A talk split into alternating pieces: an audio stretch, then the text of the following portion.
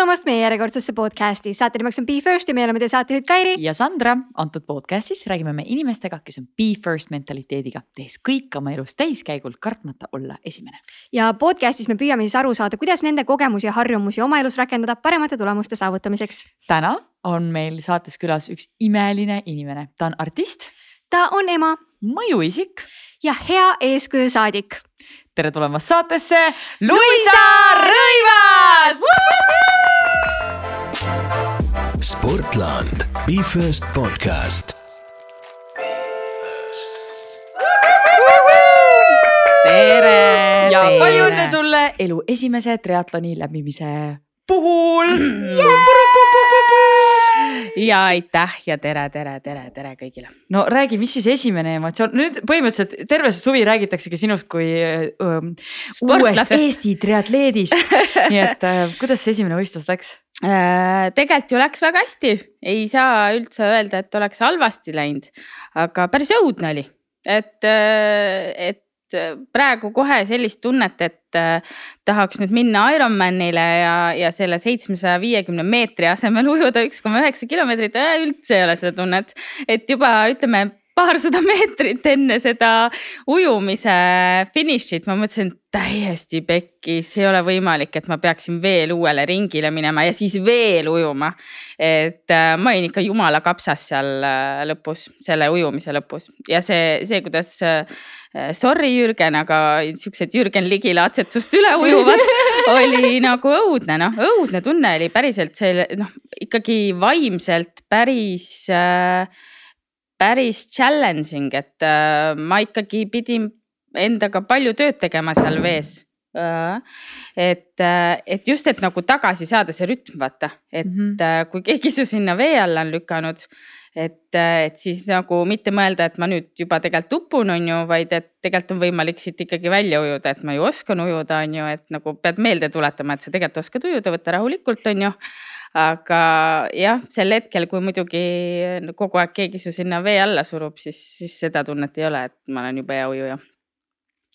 et see oli õudne ja, ja ma nagu, ma väga palju mõtlesin seal selle, selle lõpus, kui ma arvan, et mul oli mingi kakssada või kolmsada meetrit oli sinna finišisse jäänud, ujumisdistantsi finišisse ja mõtlesin, et et ma mõtlesin, ma olen jumala hea ujuja. Ja, ja siis ma reaalselt, ma olin mures, et mis mu abikaasast saab et kas, kas ta tuleb ka siit läbi või ei tule, sest see pesumasina tunne oli kohutav. aga tuli? tuli jah, õnneks tuli. ma olin, ma olin väga mures, ma olin päriselt väga mures korraks, sest see oli minu jaoks ikka väga õudne ja ma ei tahtnud üldse mõelda, kuidas tal seal läheb aga me enne natuke rääkisime ka, et äh, Kairi tõi selle välja, et tegelikult äh, Tallinna Ironmanil on äh, siis nagu viit, viitstardiga võib niimoodi vist öelda, et viie, viie no,. koridoris lähed lihtsalt ja rahulikult on ju, et kõik ei lenda korraga peale, et sul see kiip läheb käima siis, kui sa lähed üle stardijoone ja kõik lähevad lainetena nii-öelda ja siin nagu läksid ka vist enam-vähem mingite lainete, nad lugesid seal mingi kolmeni ja siis lasid nagu mhm. inimesi mm. -hmm Harneni aga... oli nagu pikem minu arust see vahe, et aga... ei olnud nagu pluss üks koma üheksa kilomeetrit, seal nagu jaotub see rahvas laiali rohkem.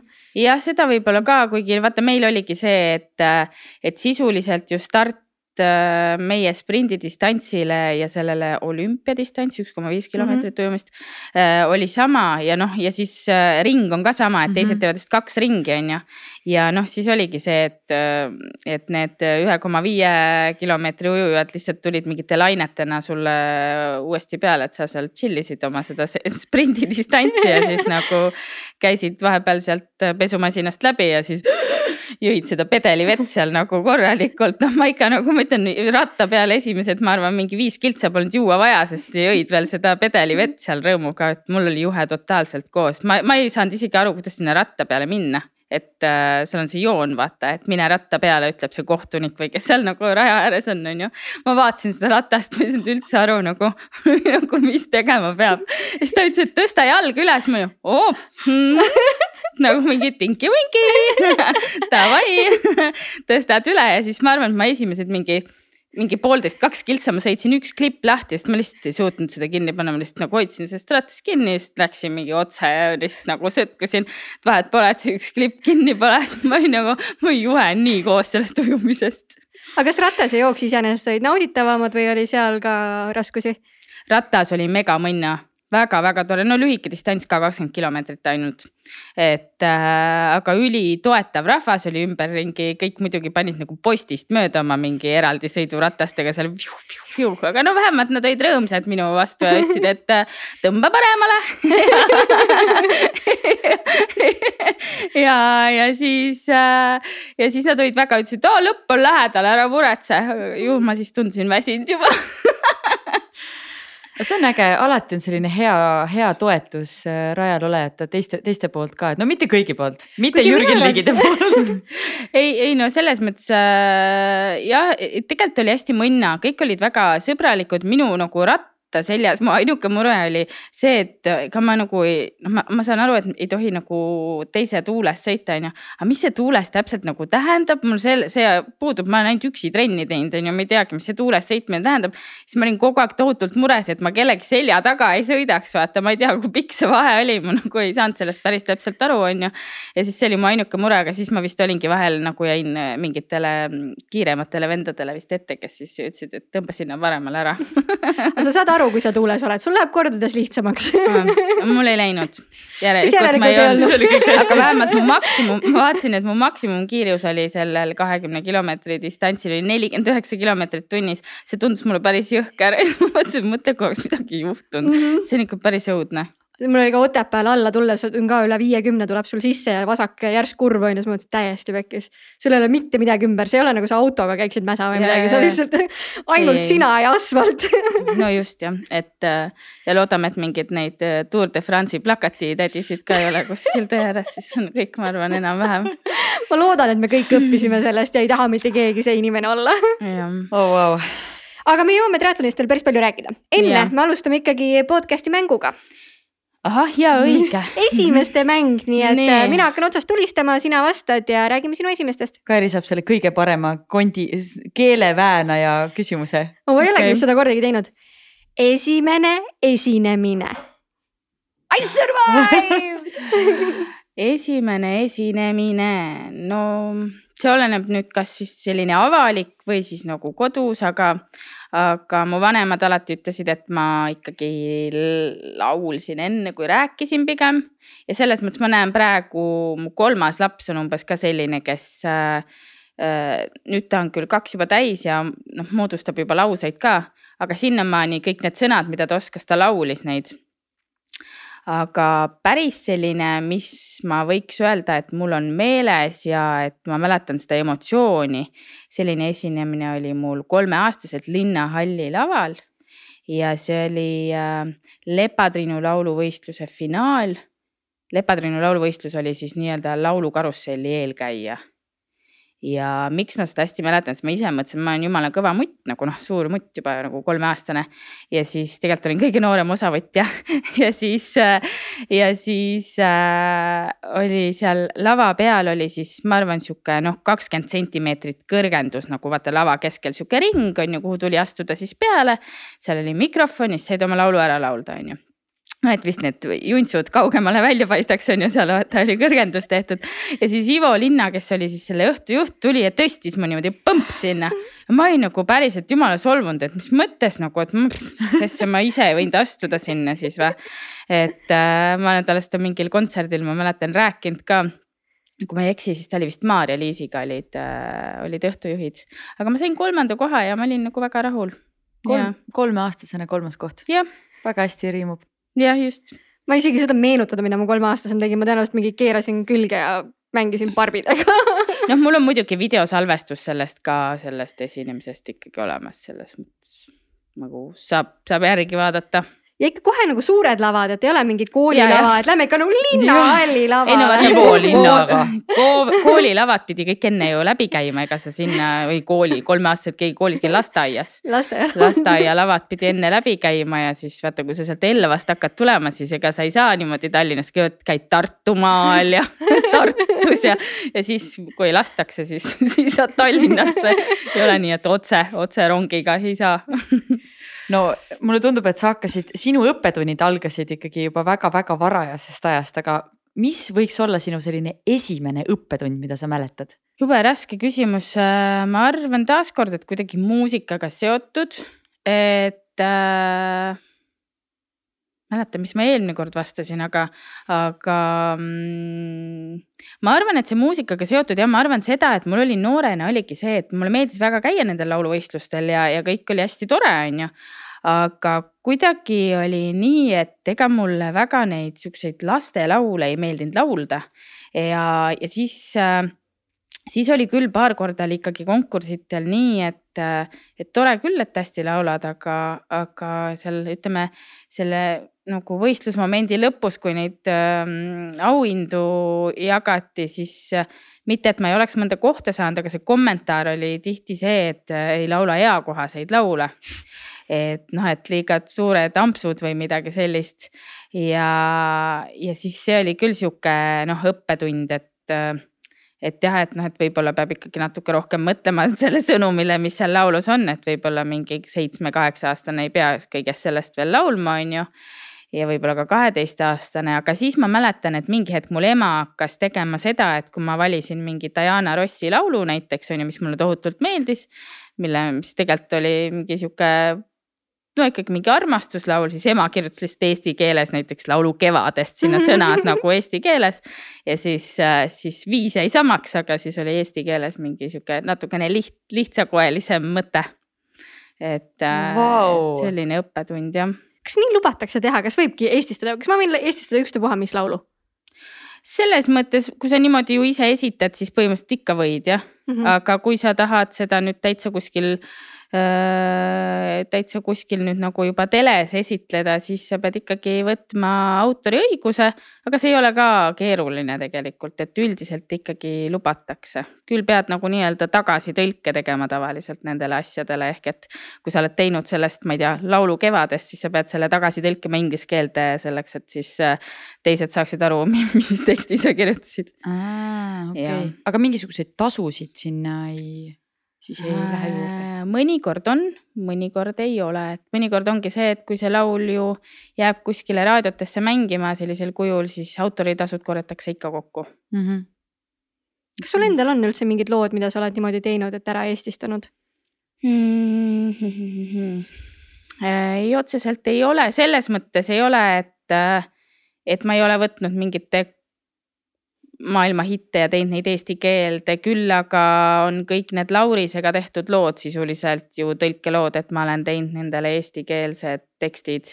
aga need on pigem selles mõttes, me ei ole mõtet muutnud, et Lauris on ikkagi soovinud, et need tekstid oleks äh, sama, sama mõttega, kui need on läti või, või leedu või, või vene keeles no sellest uuest muusikast me jõuame ka veel rääkida. Mm, -hmm. aga ma võtan meie järgmise esimeste mängu küsimuse ja see on esimene mõte hommikul ärgates. Äh, ma mõtlesin täna hommikul esimene asi, mis ma mõtlesin, et täitsa lõpp, jumala kangen olla, sest Herman magas minu kaisus ja ta oli mulle põhimõtteliselt jätnud mingi üliväikse riba, kus ma magada sain, et hea, et ma välja ei kukkunud. Ja, aga, aga sealt edasi ma mõtlesin, et äh, kuna me oleme palju käinud kodust väljas, siis on tohutult palju pesu pesta. päris elu, päris elu noh ja kui sul on kolm last, siis äh, mul lihtsalt pesumasin ja kuivati kunagi ei seisa, kogu aeg käivad lihtsalt nagu reaalselt kogu aeg ja ma ei tee nalja, kogu aeg käivadki. kogu aeg võtan sealt välja midagi ja panen, panen teise. aga mingisuguseid selliseid stampasju ei ole, mida sa igal hommikul äh, teed? Mul on ikka selles mõttes esimene asi, ma lähen tavaliselt vannituppa, pesen hambad ära. ja praegu breketitega võtab see palju rohkem aega kui nagu äh, varasemalt ja, ja siis on mul kohv muidugi. ma ilma kohvi joomata hommikul üldiselt kuskile ei lähe. ja see on küll halb hommik, kui kohvi pole. see on nagu väga fail ja, ja kui kohvi ei ole siis parem oleks, kui oleks üks Coca-Cola. Või muidu peab sinust kaarega niimoodi mööda kõndima igaks juhuks. Ma, ma, ma jumala tihti tegelikult tõesti selles mõttes äh, mõnikord õhtuti ka autoga sõites ka pean, pean mainima, et ma seda, seda võlujooki ikkagi tarbin. Ja seda klassikalist, mitte mingit äh, zero Zero Coca-Cola, ikka täitsa tavaline Coca-Cola, sest see hoiab ikkagi õhtuti autoga sõites mind päris hästi üleval, et mulle see meeldib, aga vot neid igasuguseid muid energiajooke ma ei, ma ei tea, ma lihtsalt ei talu üldse lõhnasid. Et äh.... aga see on hea, siis ei ole ahvatlust tarbida neid. jääbki Kairile rohkem Red Bulle. jah, kõik ja. Red Bullid mulle. ja minu arust on see, et kui patustada, siis patustada ikka nagu õige asjaga, mitte mingi, mingi suhkruvaba või mis iganes asi. ei no just noh, kui sa juba võtad, võta siis see Coca-Cola et siin ei ole ju enam mingit, mis asja noh. ei, aga Coca-Cola on tegelikult ikka nagu päris võistluste ajal ka päris hea võlujook, et no, mina olen ühe korra seda oma elust kogenud, kuidas mõtlesid, et nagu joo, toss on täiesti otsas, siis tiimikaaslased olid võta see Coca-Cola, no mullid välja raputada, ma mingi ei, ei, ma ei taha, ma ei taha. ja siis võtsin selle sisse endale ja brrrt, vaata tead nagu need okay., need digimonid olid, kes digimootsid yeah. ja väsinud Sandramoon digimootus aga kas Coca-Cola võiks ise kaasa ka võtta või, kui lähed nagu näiteks? aga nad panevad, raja ääres on tegelikult. Äh, Coca-Cola on sul, kurgid on, seal on meeletult palju asju, et selles mõttes mm.. kõik hea kraam on. aga muidugi seal triatlonil, mis ma nüüd esimest korda tegin, seal ma ei julgenud seda spordijooki võtta, mõtlesin, et äkki see on mingi liiga magus ja lääge ja siis. hea oleks, kui sa oled ise harjunud sellega ja keha on ka harjunud, sest et kui sa ikkagi pingutuse keskel võtad midagi sellist, mida su keha ei ole harjunud sööma, siis võib juhtuda igast erinevaid asju, mida me siin võib-olla praegu ei räägi, aga jätame inimestele kujutusvõime selleks. aga ja. vahetusalasse sa võid panna endale mida iganes sa tahad, et minul Aha. oli küll nagu mingid asjad, mis ma teadsin, et ma kindlasti tahan, on ju, et siis sealt võid võtta. Okei. Okay.. ja ratas tuleb täis, oi, sellest me võime veel rääkida, mismoodi seda ratast nagu ta, see on, mu arust see on nagu põnev, et kuidas sa paned need batoonid sinna niimoodi, et sa saaksid iga kolmekümne minuti jooksul või. ja, aga vot mul ongi see probleem, ma pole kunagi ühtegi neid nagu söönud, neid batoone või mingeid neid keele sa pead kindlasti, kindlasti hakka harjutama, see on, mina näiteks vihkasin neid südames mm., sest nad on nii rõveda maitsega, siis ma lõpuks leidsin selle honey oma mingisuguse. Honeydew või mingi. Honey, mingisugune, nii et on ainult mesi bar, põhimõtteliselt nagu, et seda ma suutsin tarbida, aga uh, need keelid on ikka. ja soe soovitus hakka, hakka kohe pihta, et kõik kui on veel keegi, kes praegu kuulab või vaatab meid ja hakkab minema esimest korda mingit pikemat distantsi tegema, siis hakake, hakake keha harjutama. su keha vajab seda, sest muidu on pärast väga-väga halb olla et okay. kui sa raja peale ei anna talle asju, siis tal on pärast väga paha. Nice to know nii, me jõudsime, me rääkisime sinu hommikurituaalidest. ma tean, et ehitate hetkel endale uut kodu, aga räägi, mis oli sinu esimene kodu? Esimene kodu nüüd, kas siis selline, mis ma ise juba nagu omasin või siis nagu päris kodu, kodu lapsepõlves, see on nagu erinev asi. sa tunned, et aga... oleks õige öelda? aga no päris sihuke jah, oma kodu, kus, äh, kus ma ise sise kujundasin, oli kesklinnas meil Wismari tänaval. Ja vot see oli küll kodu, mida Miina siiamaani nagu natuke igatseb, et see oli natukene selline, äh, ta oli hästi vana tsaariaegne puumaja ja, ja see, kuidas ma ütlen, see katusealune osa oli sihuke nagu natuke sihuke pullerpilaste stiili. et äh, seal oli tõesti sihuke mõnus ja kodune ja natukene, natuke sihuke jah, nagu ütleks isegi, et nagu maalähedane. Et ma arvan, et see oli nagu esimene. Ja nüüd vahepeal on olnud palju üürikodusid ja neid ma tavaliselt, ma ei saa nimetada neid ikkagi päris kodudeks, sest et äh, ikkagi lõpuks sa teed kõike seal natuke nagu ajutist, et sa nagu, et nüüd ma ootan seda väga, et saaks uude koju ja saaks sisustada ja, ja saaks hakata nii-öelda kõike seda oma käe-jala järgi panema, et ähm, see on väga põnev, põnev osa, aga noh, ma väga ootan, et see nüüd juhtuks lähimate kuude jooksul. sul on juba visioon paigas, et tead, mis stiilis tuleb või kuidas? Äh, ei, meil on tegelikult äh, üks hästi tore sisekujundaja abiks ja tema on palju asju koos meiega nagu läbi mõelnud aga noh, eks ta ikkagi lõpuks on ju see, et lõpuks sa kolid sinna sisse ja ma ei, ma ei ole päris sedamoodi inimene, kes laseks kõik nagu ära teha ja siis vaataks, kas tegelikult see, kas su see trajektoor vaata kodus hakkab olema nii või mitte. et mulle tegelikult meeldibki see variant, et sa ikkagi mõneti äh, kolid juba sisse ja siis hakkad äh, leidma seda, seda õiget asja sinna. et äh, sest ma, ma arvan, et ikkagi lõppkokkuvõttes on see, et isegi kui sisekujundaja mõtleb kogu asja välja, siis äh, sa ju ei ole seal kunagi elanud, et su see trajektoor kodus ei pruugi üldse olla selline nagu, nagu paberil joonistatud sai et tundus paberil mugav või õiget pidi lahendus. sisekujundajad on minu arust ühed maagilised inimesed, et äh, nad on maailma päästjad selles osas, et paarid ei läheks lahku. et väga paljud on öelnud, et kodu ehitamine on koos on nagu üliraske, et kui on vaja nagu, et see kuidagi ellu jääks, siis võta sisekujundaja endale. jah, meil on ka ikka olnud olukordi, kus Taavi ütleb, et las Hanne-Loore otsustab et, et las ta pakub midagi välja, et siis on nagu neutraalne, neutraalne see sõna seal vahel, et ja muidugi on, muidugi on see ja, ja neid ütleme erimeelsusi ja lahkhelisid ja neid tuleb ikka päris palju sellise, sellise suure projekti ja noh, seda enam, kui ikkagi äh, me ainult ei ehita nagu uut maja, vaid restaureerime ka, et seal on nagu nii palju nüansse, mis, äh, mida tuleb nagu arvestada ja, ja selles mõttes ikka. no on keeruline ja pikk projekt, aga, aga kui valmis saab, ma arvan, siis on kõik, kõik on rõõmsad ja siiamaani oleme koos, nii et kõik on veel hästi läinud siiamaani. kas, kas sul on mingisugune tuba või ruum või ala, mis peab, mida, mida sa tead, et milline see peab tulema või mis on sinu jaoks nagu kõige olulisem osa kodust? köök, minu jaoks on köök olnud eluaeg kõige olulisem osa, sest seal üldiselt äh, ruulin mina ja, ja selles mõttes ma olen jah, köögi iseenda jaoks mõelnud hästi läbi kõik igasugused lahendused, kui palju mul peab olema ahjusid, kõik, kõik sellised asjad ja. ahjusid, mitmuses, vau. jah mul no, on okay, olnud eluaeg, mul on eluaeg olnud unistus, et mul oleks äh, lõpuks äh, kodus nii, et, äh, et mul on mitu ahju selles mõttes, et, et ma ühes teen kindlasti ainult magusat ja teises soolast, et äh, mulle üldse ei meeldi see mõte, et kodus on üks ahi ja siis kõike teed selles samas. pluss on see, et sa ei saa siis paralleelselt teha.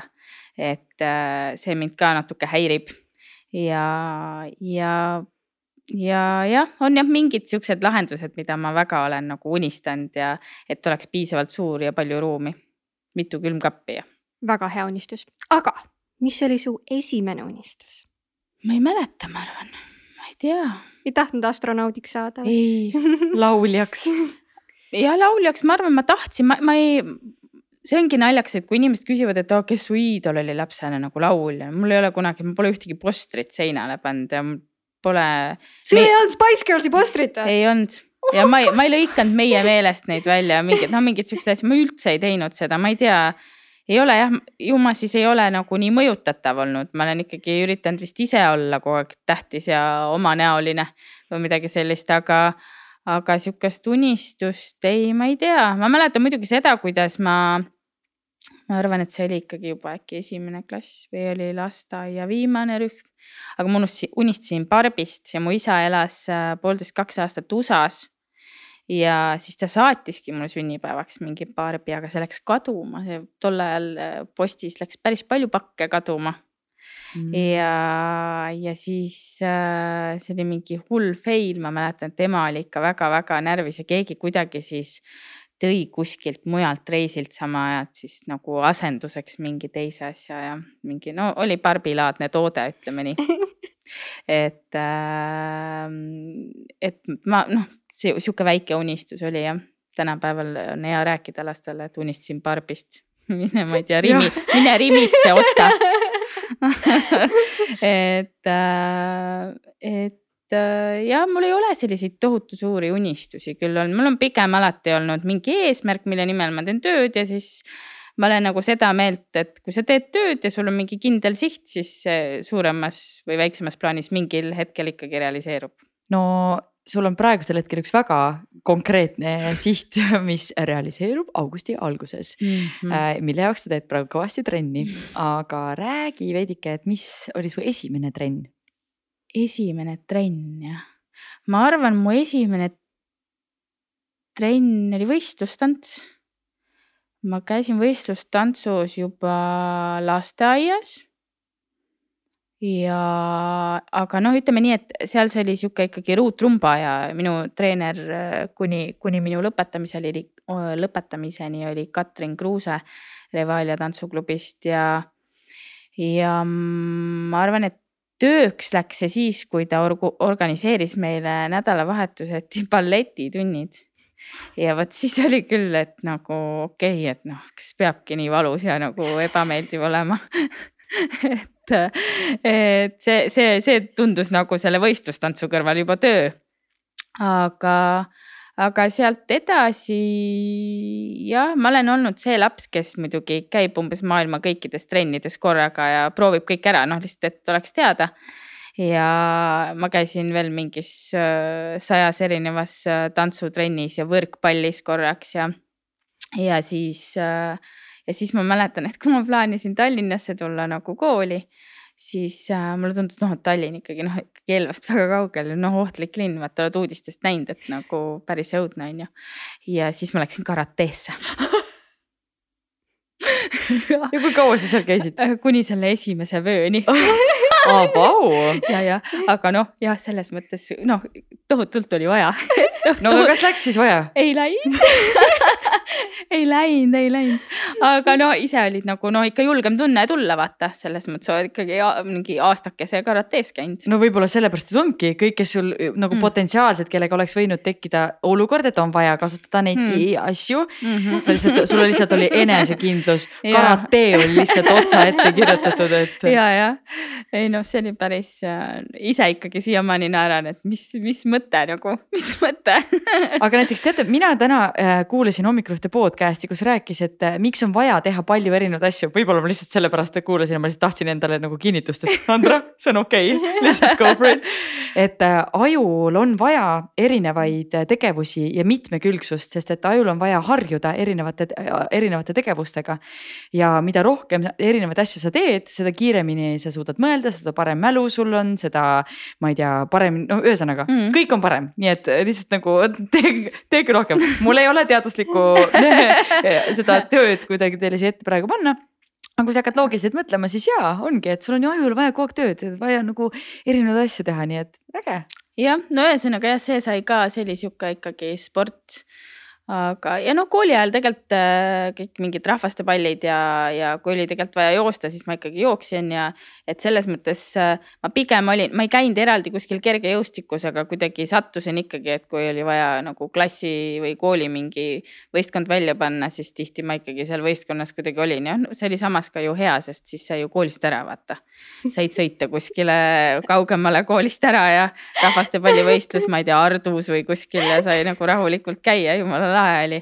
et äh, või Lähtel kuskil mingid teatejooksuvõistlused, see ikkagi noh, sai oma koolist ära ja paus, vaata õpetaja tegi selle tiki ära, et sa oled nagu põhjusega läinud kuskile, mitte nagu niisama. värk ka tegelikult no, just, kooli. no diplomiga saad tagasi tulla ja vaata sihuke, jah diplom ja rasvapirukas, meil olid Võrus no, olid niimoodi. no võib-olla sai isegi tee pealt Fanta. me Pärnus saime ikka karikaga et ja, aga jah, selles mõttes mingi eraldi kers-, kergejõustikutrennis või kuskil ma ei, niimoodi eraldi ei käinud. aga sul lapsed täna käivad? praegu ei käi, siin koroona ajal tead, nüüd peab hakkama otsima uuesti septembrist kõiki uusi trenne, me ei teagi täpselt, kuhu minna, aga, aga Herman on veel nii väike ja Uma ka, et äh, Herman arvab, et ta tahaks korvpalli hakata mängima, pole päris kindel, et ta saab aru, mis see korvpall ja jalgpall on, aga, aga, aga talle igal juhul nagu miskipärast ta ütleb, et talle basketball nagu meeldib et ta on meil sihuke pool ingliskeelne enamik ajast ja siis äh, kui ma küsin, et kas sa tahad nagu jalgpalli mängida, siis ta on no, no, no, I want basketball nii huvitav, kust tal see inglise keele armastus tekkinud on? aa ei, see on Pepad ja noh, näitab jälle, et ma olen hea ema. aga et äh, need on jah, kuidagi väiksest peale meil, Miina muidugi samamoodi vaatab asju inglise keeles, eks tema kõrvalt ta juba pisikesena jälgis mingeid asju ja, ja siis kuidagi juhtus nii, et ta ikkagi alguses alustas äh, mingite sõnadega, mis olid beebikeeles, olid ingliskeelsed ja siis, äh, et me tast paremini aru saaks, siis me alguses natuke rääkisime temaga ka seda keelt. aga nüüd me oleme teinud nii, et kui ta pöördub inglise keeles, siis me räägime inglise keeles ja kui ta pöördub eesti keeles, siis me räägime eesti keeles, et, äh, et nüüd ta juba suudab vahet teha kahel keelel tõlgib meile asju ja tal on väga palju väljendeid, mis on väga lahedad inglise keeles, ega siis ta üritab neid eesti keelde kogu aeg tõlkida, see on päris naljakas aga see on minu arvates jumala hea, sest minul küsitakse ka, et kust ma tean mingeid väljendeid, kust see tunnetus tuleb inglise keelel, kõik multikad, Cartoon Network.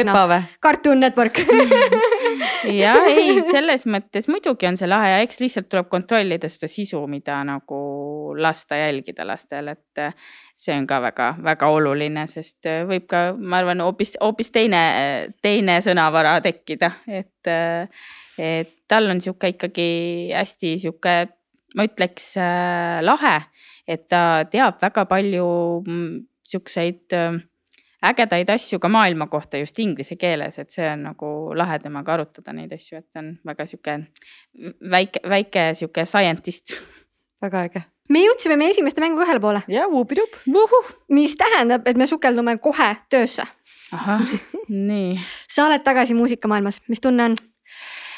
Päris mõnus on, ei saa üldse kurta, et äh, koroonaaeg on, ma arvan, olnud kõige õigem hetk selles mõttes seda stuudiotööd teha, on ju, et äh, lavale ju keegi minna nagunii ei saanud. ja siis niimoodi vaikselt pusida ja teha mingit uut muusikat ja katsetada on olnud täitsa, täitsa mõnus. Ja eks see maskisaade muidugi andis ka oma siukse hoo sisse, et tekkis jälle see mitte nagu vajadus, aga vist see ikkagi see igatsus pigem et seal oli hea maski taga niimoodi sussutada, teadmata, kes on, on ju. ja, ja sai ennast kõvasti proovile panna just nagu stuudiotöös ka, sest me ju lindistasime laule ja, ja, ja sai nii-öelda katsetada äh, raskeid asju, mida võib-olla kohe niimoodi, kui Sandra ütleb, et hakka laulma, võib-olla kohe ei hakkaks, on ju. äh, et selles mõttes oli väga mõnus ja, ja mulle jah, ma naudin, ma olen kogu aeg nautinud seda stuudiotööd või seda nagu laulu sisselaulmist või, või noh, mõnes mõttes sellist musta tööd, et äh, see on mulle eluaeg hästi palju rohkem meeldinud. Äh, võib-olla isegi kui tohutult nüüd mingeid erinevaid äh, projekte teha nagu laval olles, et, et see on olnud hästi äge ja ma loodan, et tuleb veel igasuguseid uusi laule sügisel see maskisaade tundub nii kummaline, kas päriselt inimesed ei teadnud, et sa oled sina, kas Taavi ei teadnud, et sa käid maskisaates? alguses ei teadnud jah, sest äh, ikkagi tegelikult äh, leping on selline, et, et ei tohiks kellelegi nagu öelda ja kui ütled, siis peab lepingut natuke ümber tegema.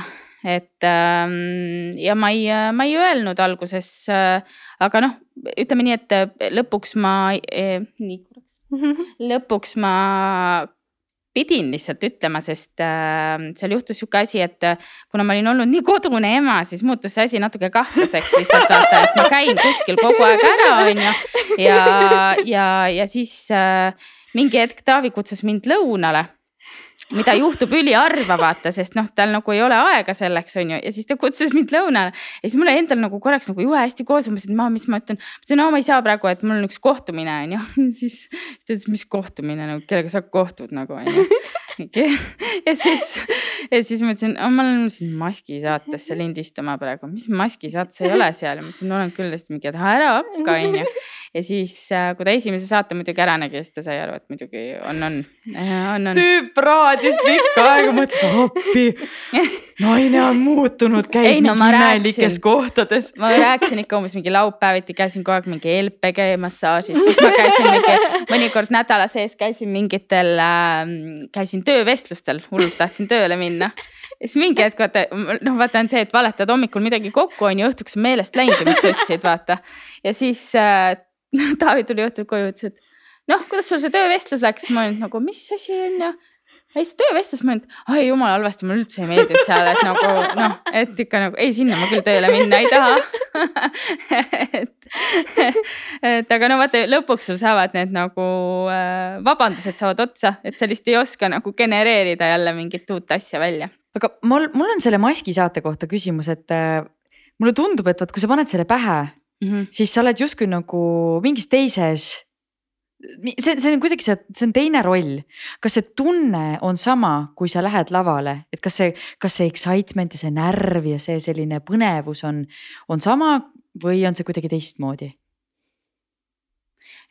ei, ei ta on ikkagi suhteliselt sama, küll aga jah, ta on nagu isegi ütleme natukene rohkem närve söövam, sest et äh, seal on ikkagi see, see mm, žürii on ju, kes ju hakkab siis nagu mõtlema, et noh, kes see siis on ja sa nagu noh, maski all ise ka mõtled, et kas ma nüüd andsin liiga palju ära või kas ma nagu suutsin maskida oma häält või, või et kas see oli hea lauluvalik või ei olnud, on ju.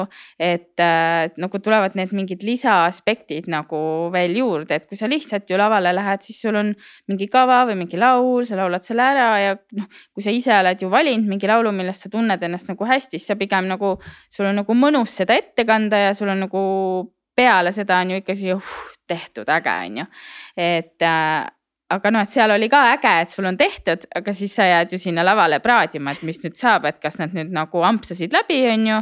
või, äh, või on, et jess, saab veel olla, on ju. et, äh, et väike nagu ütleme, lisapinge ikkagi on ju see, noh, mitte otseselt nagu võistlusmoment, aga lihtsalt, et, et kui hästi sa suudad seal nii-öelda ennast ikkagi varjata. see on päris huvitav väljakutse ka artistile, et, et sa ju pead tegema täiesti selliseid asju, mida sa mitte kunagi pole harjunud tegema, et kas see on sinu jaoks lihtne? ei olnud üldse lihtne, ma arvan, et äh, lauljatel on see saade kõige raskem, ma arvan, sest sul on ikkagi nii välja kujunenud mingi oma maneer, mingid kindlad šnitid, äh, kuidas sa laulad, kaasa arvatud kuni vibraatoni, et sul on mingi konkreetne vibraato, mis on nagu noh, ma ei tea, Birgit Õigemeel kuulab sind ja ütleb, et see on luisa, noh, et selles mõttes siin ei ole nagu noh, lauljatel on oma mingid asjad ja sa nagu ikkagi tunned nad selle järgi ära, et et, et see laulja seal taga on, on ju.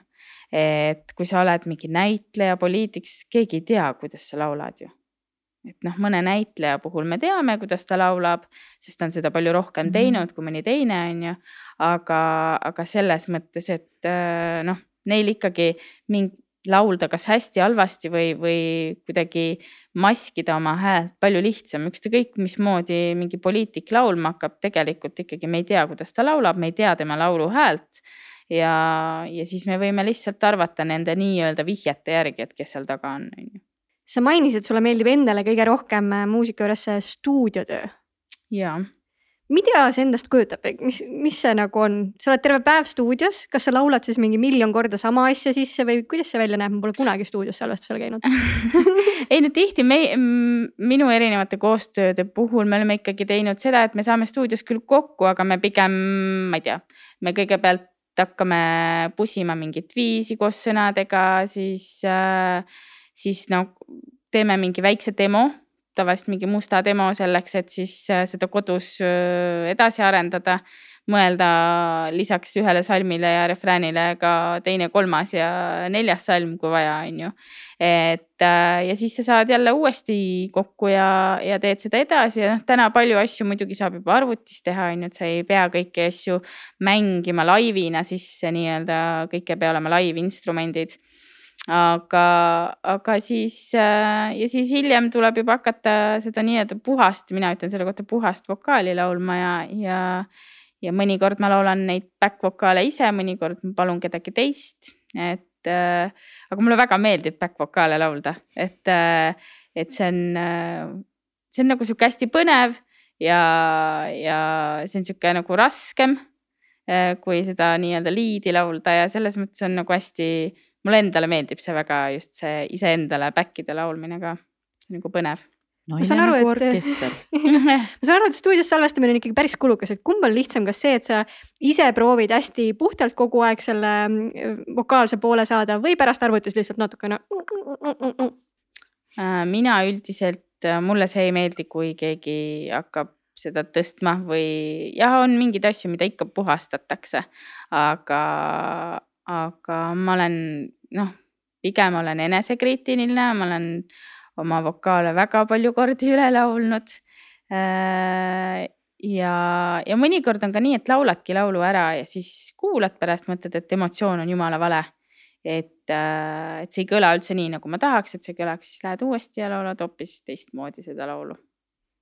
et aga jah, mina, mina seda ei poolda, muidugi seda saab teha lihtsalt noh siin on jälle see küsimus, et okei okay,, kui me nüüd kõik selle nüüd tõstame paika, siis äh, mis siis laivis saab? aga võibki alati stuudioartistiks ainult jääda, on ju, et ei peagi laivi minema. ja noh, see on muidugi ka variant, aga lihtsalt, et siis ju laivis on ikka väga keeruline seda, laivis sa seda paika ei tõsta, ütleme nii. et siis, siis on kuulajal valus aga sina artistina oled ikkagi see, kes, kes tahaks ikkagi lava, laval olla, et, et äh, ei ole sellist variantigi, et sa oleksid ainult äh, stuudioartist mulle meeldib laval väga olla äh,. lihtsalt võib-olla täna kolme lapse emana ma päriselt ei kujuta ette, et ma oleks iga õhtu kuskil klubis esinemas, et. Et ma seda vist, ma arvan, et ma lihtsalt nagu väsiks ära või noh, ma ikkagi, ma tunnen, et mulle see uni on ka väga oluline ja, ja see kõik see, et ähm, pluss äh, ma vist naudin sellist, ma ei teagi, mitte kiriku või no igaks, igasugust sellist nagu vabaõhukontserti, kus inimesed tulevad ikkagi kuulama rohkem võib-olla kui, kui see, et ma pole päris kindel, kas nad kuulavad õhtuti mm. -hmm. mis sul endal kõige ägedam esinemiskogemus on olnud? üldiselt mulle väga-väga-väga meeldivad sellised suuremad projektid, kui on näiteks orkestrid kaasatud, sest äh, äh need on mulle kui artistile ka väljakutsed alati, eriti kui on olnud mingid pigem no mingid uudisteosed, mida, mis ei ole üldse sinu, kuidas ma ütlen, igapäevane selline tavaline asi, et sa ei laula oma lugusid orkestriga näiteks. et pigem, pigem a la projektid, kus sa lauladki kellegi mingit uut teost ja pead selle nagu endale selgeks tegema ja, ja mul on eluaeg or orkestriga laulmine väga-väga meeldinud, et äh, see ei, noh, orkestrit sa ei pane seisma või orkester ei tule sulle järgi. et, äh, et kui sa lähed oma bändiga näiteks esinema või, või sa teed ka akustiliselt kitarri või klaveriga, siis, äh, siis see, et kui sa midagi valesti laulad, siis minu ihu, ihukitarristid ja klaarimängijad tulevad mulle igas olukorras järgi. et nad teavad, kuhu jõuda ja, ja mis on see lõpp lõpp-produkt või lõpp-punkt. aga vot, kui sul on orkester, siis äh, seda, seda varianti ei ole. et sul peab see teos olema väga-väga selge, et, äh, et mitte maha jääda ja, ja kui läheb valesti, siis ütleme üldiselt see on kuulda ja, ja tuleb välja, et et, et selles mõttes jah, mulle meeldivad sellised, sellised projektid, mis iseendale pisut ka on väljakutsed, näiteks Lotte tegemine oli väga äge Vanemuises, et see oli ka suur väljakutse ja ma ei olnud teatrilaval, nii suurel laval äh, mingit rolli mänginud ja, ja iga etendus äh, täisorkestriga, et see on äh,. ja samamoodi ei ole võimalik vaata pausile panna ja, ja kui keegi midagi valesti vastu ütleb, siis pead edasi mängima ja midagi uut välja mõtlema, et, et see, see teatrilaval, see live kogemus, kus sa pead lihtsalt äh, nii-öelda etüüdis kaasa mängima, et kui keegi otsustab midagi muuta selles etüüdis lavapartner, siis sa pead ka seda aktsepteerima, et sul ei ole võimalik oma tekstiga edasi minna, aga, aga see teebki asja hästi põnevaks ja on nagu samas hoiab erksana, ütleme nii. no kas juhtus mingeid selliseid olukordi? korduvalt. nii, palun räägi. korduvalt, ei see, see lihtsalt, see on nagu noh äh,, mu lemmiklavapartner äh, kindlasti üks lemmikutest äh, tänaseks kahjuks äh, surnud äh, Kilgas, et temaga oli Lotet tohutult põnev teha, sest ta alati leidis mingi, mingi väikse vimka seal korda saata seal lava peal. et, et noh, ma ei suuda sulle isegi niimoodi kohe seda teksti nagu öelda, aga ta tihti tegi mingi väikse siukse vimka seal lava peal, et sa pidid nagu reageerima ja, ja sa ei saanud nagu päris seda, mis sa nagu mõelnud olid nagu teha aga see tegi hästi põnevaks, see oli hästi tore just see, et äh, mõnes mõttes noh, ta kontrolliski, et kas sa oled ju kohal, on ju. et kui sa oleks ju selle tekstiga nagu edasi läinud, siis järelikult sa ei kuulnud, mis ta ütles, on ju. et et, et aga ei, ta tegi igasuguseid vimkanisid, ta jooksis ka Nike'i, Nike'i tossudes lavale, kuigi meil olid kõigil oma eraldi, eraldi jalanõud Lottes loodud kõigile, et ma nii hästi mäletan lihtsalt seda korda sellepärast, et mul Miina istus saalis ja siis ta tuli pärast, emme, emme, kas sa nägid, tal olid Nike'i tossud jalas. Et ja ei, see on, see on kihvtid kogemused on sellised just siuksed reaalsed olukorrad, kus, kus sa pead olema väga ergas ja, ja kontrollima, kus sa oled. kas sa oled kunagi näiteks seda, noh, mitte et ma ei ütleks, et lava peal olek ei ole päriselu, aga et, et kui sul oled mingisugustes päevases tegemistes ja mõtled, et oo, nii raske on, et ma ei tea, kuidas ma sellest välja saan. ja siis kuidagi tood paralleele sellega, mida sa oled äh, artistina suutnud ära teha. et kas need kuidagi kõnetavad tei- või nagu toetavad teineteist äh, ka. sest et noh, tegelikult artistina, kui sa lähed kasvõi lava peale või minu jaoks, ma peaks meelde jätma kõik need tekstid, mida te meelde jätate. ma, see, need näidendid jääks mängimata see vist on ikkagi nii, et sa ju tegelikult õpid mingit lugu, ma üritan kogu aeg Miinale õpetada kooli asjade puhul ka, et ta ütleb, et ma ei oska jutustada. ja siis ma üritan alati nagu rääkida, et see on ju tegelikult ikkagi mingi lugu, tal on mingi algus, tal on mingi lõpp, seal on mingid tegelased ja, ja et sa noh, et need peavad ju omavahel kuidagi suhestuma, need tegelased selle loo jooksul, et sul peavad olema ainult mingid nagu punktid. ja siis, kui sa need punktid ju tegelikult ühendad selle, siis sa võid seal vahel ükskõik tegelikult mida rääkida, noh, põhimõtteliselt on see etenduses sama, et kui sul ju on nagu algus ja lõpp-punkt on ju kosmonaut Lotte ja järelikult ta läheb kosmosesse, on ju, et äh, et selles mõttes seal on mingid pidepunktid, aga seal, mis need pisikesed asjad vahel juhtuvad, see tegelikult ei mängi nii, nii suurt rolli, on ju.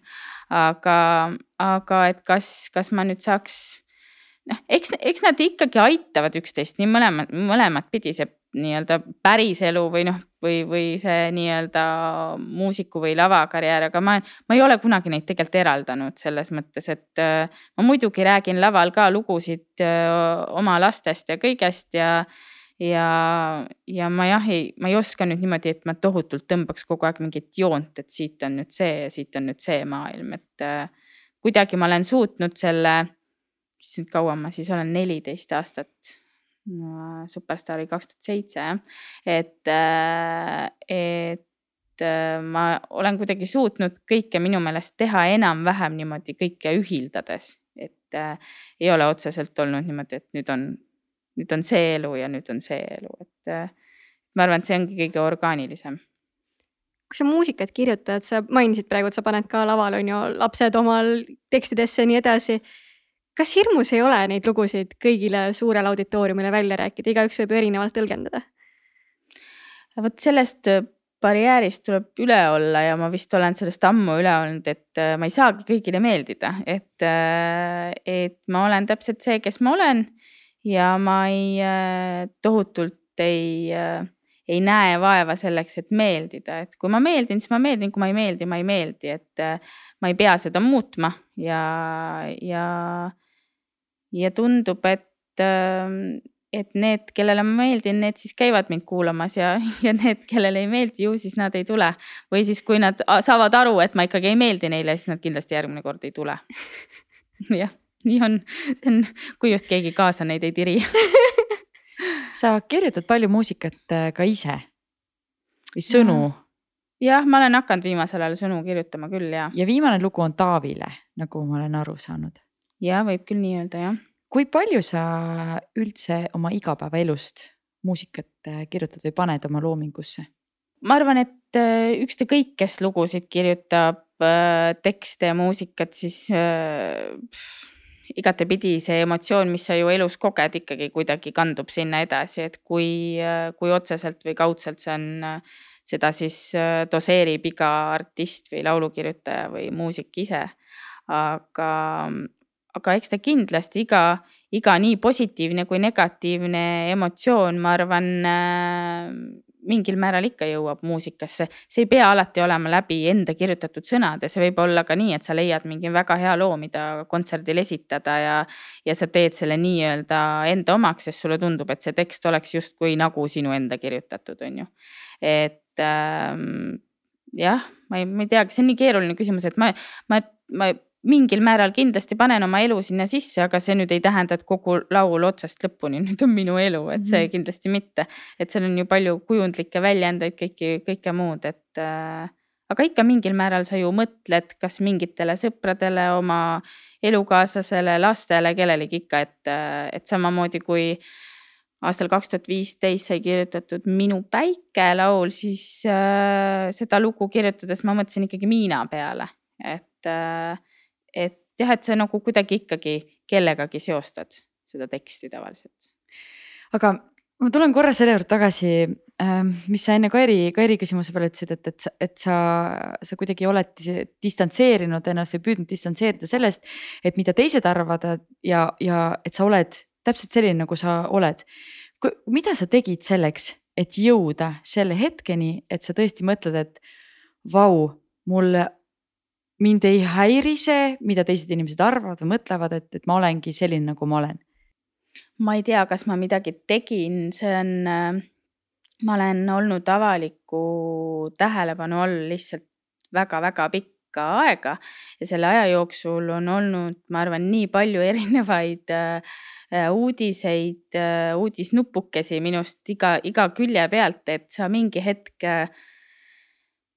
ma arvan, lihtsalt kuidagi jõuad selleni, et sa nagu see, see ei ähm, see ei lähe sulle nagu korda või see, et ma kommentaare ei loe, see tekkis juba, ma arvan, väga varakult. et ma sain aru, et sealt midagi positiivset ei saa nagu suures plaanis kunagi midagi tulla, et see on nagu noh, et see on nii väike protsent, see positiivne, et seda lihtsalt noh, et sul ei tasu sinna ennast nagu sisse, sisse nagu tõmmata üldse. ja noh, ma pigem olen ka seda meelt, et kui sa kui sa loed negatiivset ja kui sa nagu oled mingis negatiivses väljas, siis kahjuks sa tõmbad seda ka nagu rohkem ligi, kui et nagu sa oled ise positiivne ja sa nagu loed positiivseid asju ja ma ei loe ka väga palju mingeid õnnetuslinke näiteks, kui noh, uudistest Delfid.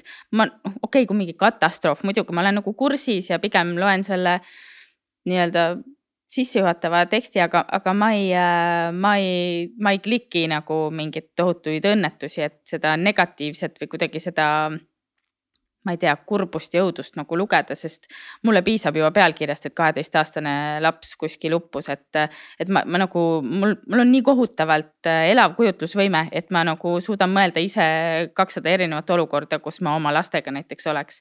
et ma lihtsalt ei taha seda endale ligi lasta. ja, ja selles mõttes ma arvan, see ongi nii, et, et kui ma annan nagu intervjuusid ka näiteks mõnele ajakirjale ja kui seda refereeritakse, ma kunagi ei loe, mida refereeritakse.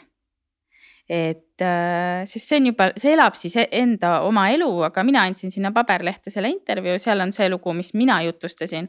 kui keegi sellest mingi oma loo teeb, siis äh, las ta elab oma elu, aga see, see ei ole see algne tekst, mida mina rääkisin, et sellepärast ma nendesse ka nagu tohutult ei süvene kas ja kui palju sa üleüldse loed, et mida ajakirjanikud kokku kirjutavad pärast intervjuud? Äh, selles mõttes äh, see, mis trükki läheb, seda ma loen väga hoolega. Äh, ma annan väga vähe face-to-face intervjuusid, et viimastel aastatel on, olen juba jälle andnud, aga kuidagi mulle meeldib kontrollida ise seda olukorda rohkem ja, ja paberil või, või nii-öelda emaili teel on see kontrollitavam.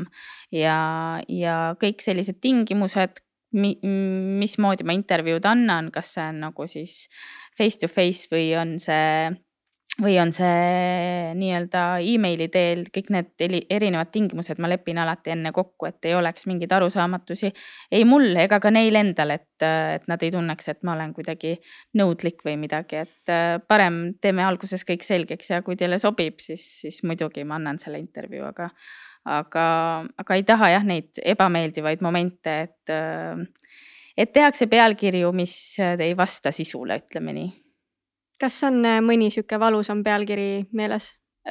mul on kõik need ajakirjad olemas, ma arvan, kui ma nüüd läheks sinna koju ja hakkaks lappama, siis ma mhm. kindlasti leian, et üldiselt äh, neid on olnud ja, ja, ja tihti ikkagi refereeringutes on neid ju alati rohkem, et see on ka põhjus, miks ma ise sinna, sinna sisse ei lähe.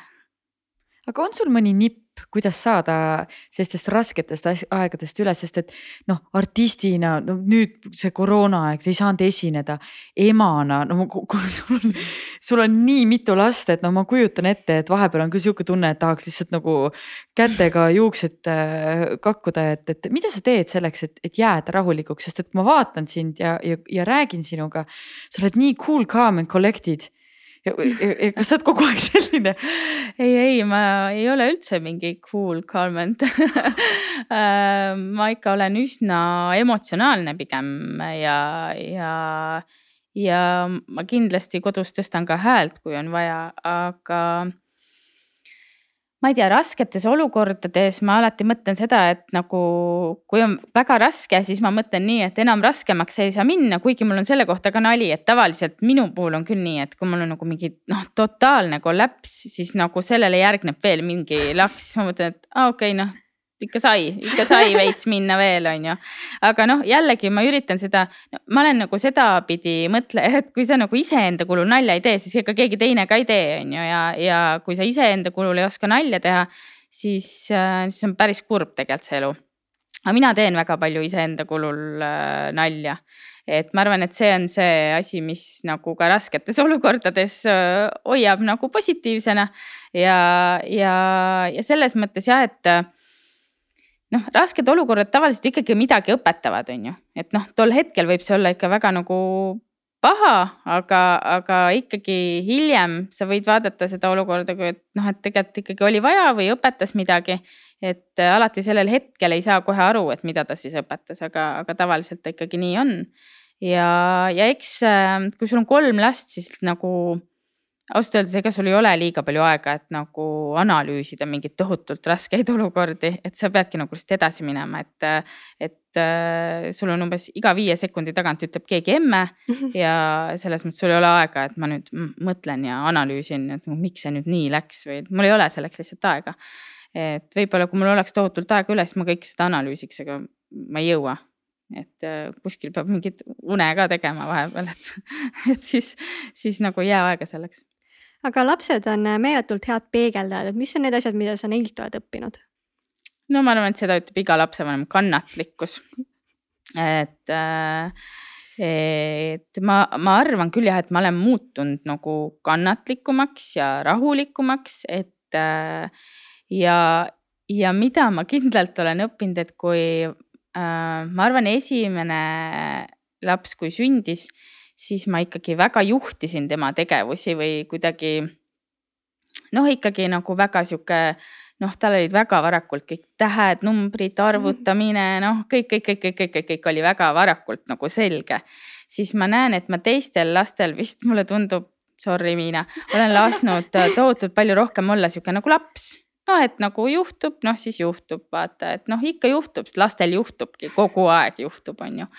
et, äh, et siis äh, jah, et ma olen nagu mõistnud, et, äh, et kuidagi, et see ei ole nagu mingi lõplik asi või et nagu noh, see ei ole maailma lõpp, et las ta kukub ja las tal lähevad asjad katki ja, ja nii juhtubki, aga nagu suures plaanis ta õpib ka selle käigus midagi et, et võib-olla jah, esimene laps kaheksa aastat üksinda sai nagu hoopis teise, teise nagu kooli kui nüüd need järjestikused kaks väikest, kes on siuksed džungli, džunglilapsed natukene kohati, mulle tundub kui sa mõtled sellele, et äh, siin meid kuulavad mõned noored emad, kes on mm -hmm. võib-olla just, just, kas on, tal on, on mitu last või just saanud emaks, siis äh, mida sa neile soovitaksid, midagi sellist, mida sa võib-olla ise oleksid tahtnud äh, kuulda? Või mõni üldse mingi vale soovitus, mida keegi andis ja praegu mõtled nagu oh my gosh, kes, kuidas keegi üldse sai midagi sellist soovitada? ma ei tea, ma nagu ei saa öelda, et mul oleks olnud esimese lapsega üldse mingeid hirme või selliseid asju, sest äh, ma ei tea, mul oli hästi kihvt äh, nii-öelda ämmaemand või naistearst, kelle juures mina jälgimisel käisin Kvalitase keskuses, et äh, tema ütles mulle kohe, et ära sa neid raamatuid küll loe, on ju, et noh, et seal on igast õudusi kirjas, on ju, et noh, et neid ei ole mõtet, et muidu hakkad mõtlema vaata igast asjade peale, et ära sa neid küll loe, on ju.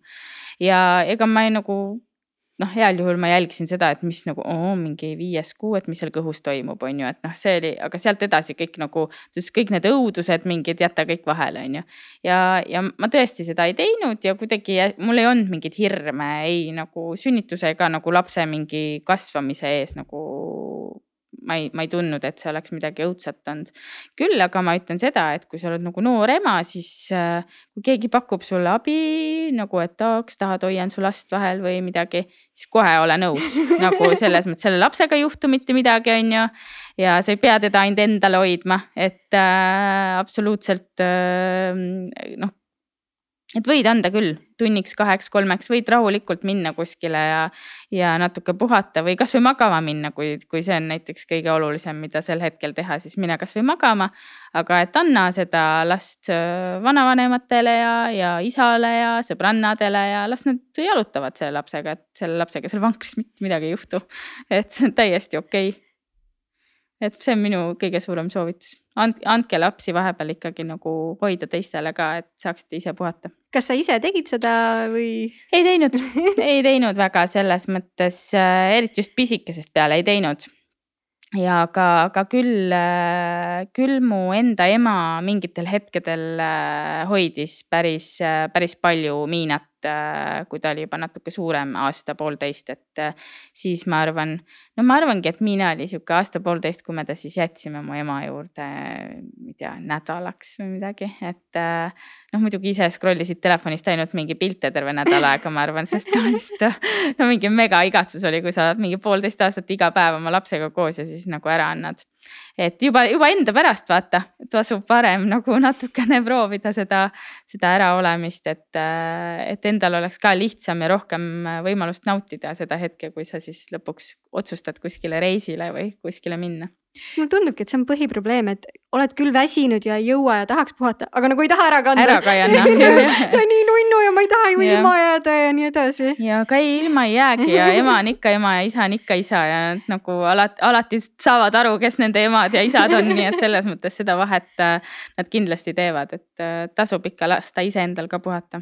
aga see on väga hea point, mille sa välja tõid tegelikult, et, et mina ei julge jätta, et tegelikult see on selline natuke võib-olla isekas mm -hmm. ja üldse mitte halb, aga isekas, et isekas käitumine, et, et äh, mina või ma ei tea mina ei saa oma lapsega koos olla või et keegi teine saab temaga rohkem, rohkem mängida, et äh, mulle tundub, ma ei tea lastekasvatusest väga mitte midagi, mul on üks õelaps on ju, kelle, kes mhm. on nagu trööbeldis, kellega mina aeg-ajalt tegelen.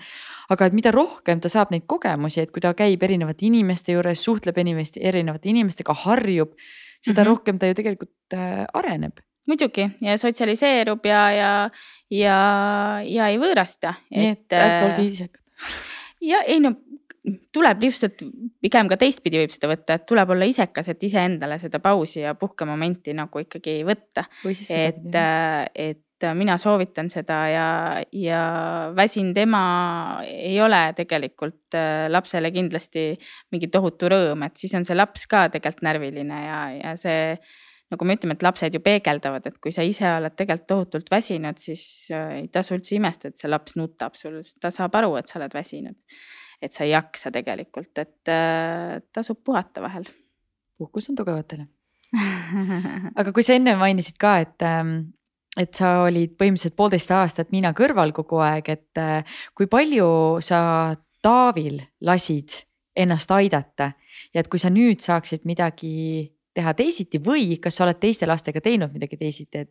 et ma ju suunan seda sinna, sinna suunas, et, et mis on, mis peaks olema mehe roll selle noore ema kõrval no see väga oleneb muidugi sellisest äh, töö iseloomust ja kõigest sellest on ju, et et äh, kui Miina sündis, siis ega Taavil väga palju sellist kodus olemise aega isegi ei olnud. et äh, ja, ja selles mõttes siis nagu talle teda jätta oligi nagu raske ka, sest ta oli ikkagi tööl suht kogu aeg ja hästi palju välislähetusi, hästi palju reise. et, äh, et selle esimese lapsega oli ja hoopis teine see olukord kuidagi, kõik see peaministri aeg tuli sinna lõpuks otsa ja et see on, see on ikka väga-väga-väga teine, teine olukord, kus äh, lapsel kasvada. aga nüüd väiksematega on küll Taavi väga palju olnud koos ja saanud seda aega võtta ja, ja ka saanud tegeleda ja nendega mängida ja, ja selles mõttes on see hoopis, hoopis teine ja on näha ka, et äh, lapsed kuidagi hoopis teistmoodi nagu suhtlevad, äh, et nad ei tee väga nii suurt vahet, vaata ka on ju selles pisikeses peas, et selle emme ja issi vahel, et, et äh, et see on jah, et kui sa ikkagi oled rohkem pildis, siis ju lapsed ka saavad aru, et ei olegi nagu väga vahet, kas on emme või issi, on ju et muidugi, eks see emme on väga oluline meil äh, kogu aeg on see, see sõna on hästi sihuke, ma ei tea, see on mu, see on mu see hüüdnimi ja siis mu perekonnanimi ja mu eesnimi ja, ja kõik, kõik mu nimed on emmed. et äh, see kõlab meil üsna tihedalt, aga aga näiteks, et kui ma ütlen Hermanile, et aga ikka issid, siis ta kohe nagu läheb ja selles mõttes ei ole üldse probleemi, et, äh, et saavad kõik asjad aetud nüüd issiga ka mis tunne on üldse olla perekond peaministriga? see tundub. ma arvan, et see on tegelikult nagu iga teine perekond lihtsalt. ma ei, ma siin vist küll ei ütleks, et see on iga teine perekond. et on, äh, eks seal on mingid, mingid. mis on kõige kummalisem asi selle juures, kui sa oled peaministri naine? ma ei tea, noh, selles mõttes kindlasti on naisel keeruline, et see mees on kogu aeg nagu ära et, äh, et see kohustus on ikkagi väga suur ja vastutus on väga suur, ei vastuta ainult selle väikse oma pere eest, vaid nagu kogu riigi eest ja tavaliselt, kui on suur vastutus, siis on ka sihuke stress, stress on suur ja, ja väsimus ja pidev mure ja ja, ja kuidas nendele muredele lahendused leida ja tihti siis on ka väga palju inimesi, kes siis äh, sinu poole pöörduvad erinevate muredega. Aga mm, ma arvan, et see on nagu, ma ei oska öelda, et oleks kuidagi raske olnud, ma ütlen, et kõigega ju inimene harjub hästi, inimene harjub absoluutselt kõigega. et äh, võib-olla kõige, kõige sellisem harjumatum oligi see, et sul ei ole seda tohutut vabadust enam, et sa nagu et kui, äh, kui muidu astud toast välja ja lähme parki või kuskile lapsega või lastega mängima, siis, äh, siis peaministriga sa pead ihukaitsele enne teada andma, et me tahame perega parki minna, et siis, siis nad tulevad ka, on ju. et, et see on nagu, see on võib-olla see, millega, millega natuke võtab aega, et harjuda et aga lõpuks sa harjud ära ja see on, see on täiesti loomulik, et sa helistad pool tundi ette ja, ja kõik juhtub, on ju, aga lihtsalt, et muidu on see, et ma tahan minna, siis hops, lähme. et ja noh, et võib-olla piima, piima järgi ei saada poodi, et mine too kassisõba poest piima, on ju, et siis lähed tood ise ära, et ei hakka helistama selle pärast kellelegi et nii oli, nii oli lihtsam lihtsalt. jah, aga ma arvan, muidu ei olnud kuidagi raske, et äh, ma arvan, et see on once in a lifetime nagu opportunity ja, ja, ja, ja ma arvan, et Taavi sai imehästi hakkama, nii et, et selles mõttes tegi oma tööd hästi ja, ja, ja Eestil, ma arvan, tollel hetkel läks väga hästi. teistel, järgmistel ei ole nii, nii kerge olukord võib-olla olnud mina olen ka nõus, et Taavi sai väga-väga hästi hakkama oma tööga, eriti veel nii, nii noorena, et, et see on ikkagi väga-väga impressive. aga sinul on ka, sul on nüüd lauljaamet, sa oled ema, äh, sa oled nüüd sportlane äh, räägi natuke oma mõjuisiku tööst ka, sa teed erinevaid koostöid äh, sotsiaalmeedias erinevate brändidega, kuidas sa selleni jõudsid? see tuli üsna juhuslikult minu meelest mingil hetkel äh,. isegi hetkel ei mäleta, mis see esimene kampaania oli, ma pakun, et see võis olla Aptamil. ja ma arvan, et see oli mingi hetk äkki läbi Promote'i keskkonna, et äkki Anni kutsus mind sinna. ja, ja siis äh,, ja siis kuidagi jah, läbi, läbi selle äkki ma hakkasin seda tegema ja aga, aga üldiselt äh, ma, ma ise arvan, et ma ei tee seda liiga palju. Äh, ja ma teen neid asju, mis mulle endale tohutult meeldivad või, või brändid, mida ma ei tarbiks ainult noh, sellel eesmärgil, et ma nendega koostööd teen, vaid et äh, kui ma ei teeks nendega koostööd, ma ostaks ikka lastele needsamad riided selga. et, äh, et ma üldiselt väga valin neid nagu koostööpartnereid, kellega üldse midagi teha. ja, ja kuna see ei ole jah, mu mingi põhitöö, siis ma ikkagi teen nagu vähem ja mingeid väga konkreetseid asju, et need on kas seotud lastega, toiduga tihti sest mulle meeldib süüa teha ja süüa. ja siis ja, ja jah, et mis on nagu, kuidas ma ütlen, mingid asjad, mida ma olen väga kaua näiteks ise tarbinud, et Aptamil ka mu kõik kolm last on Aptamili peal kasvanud, et.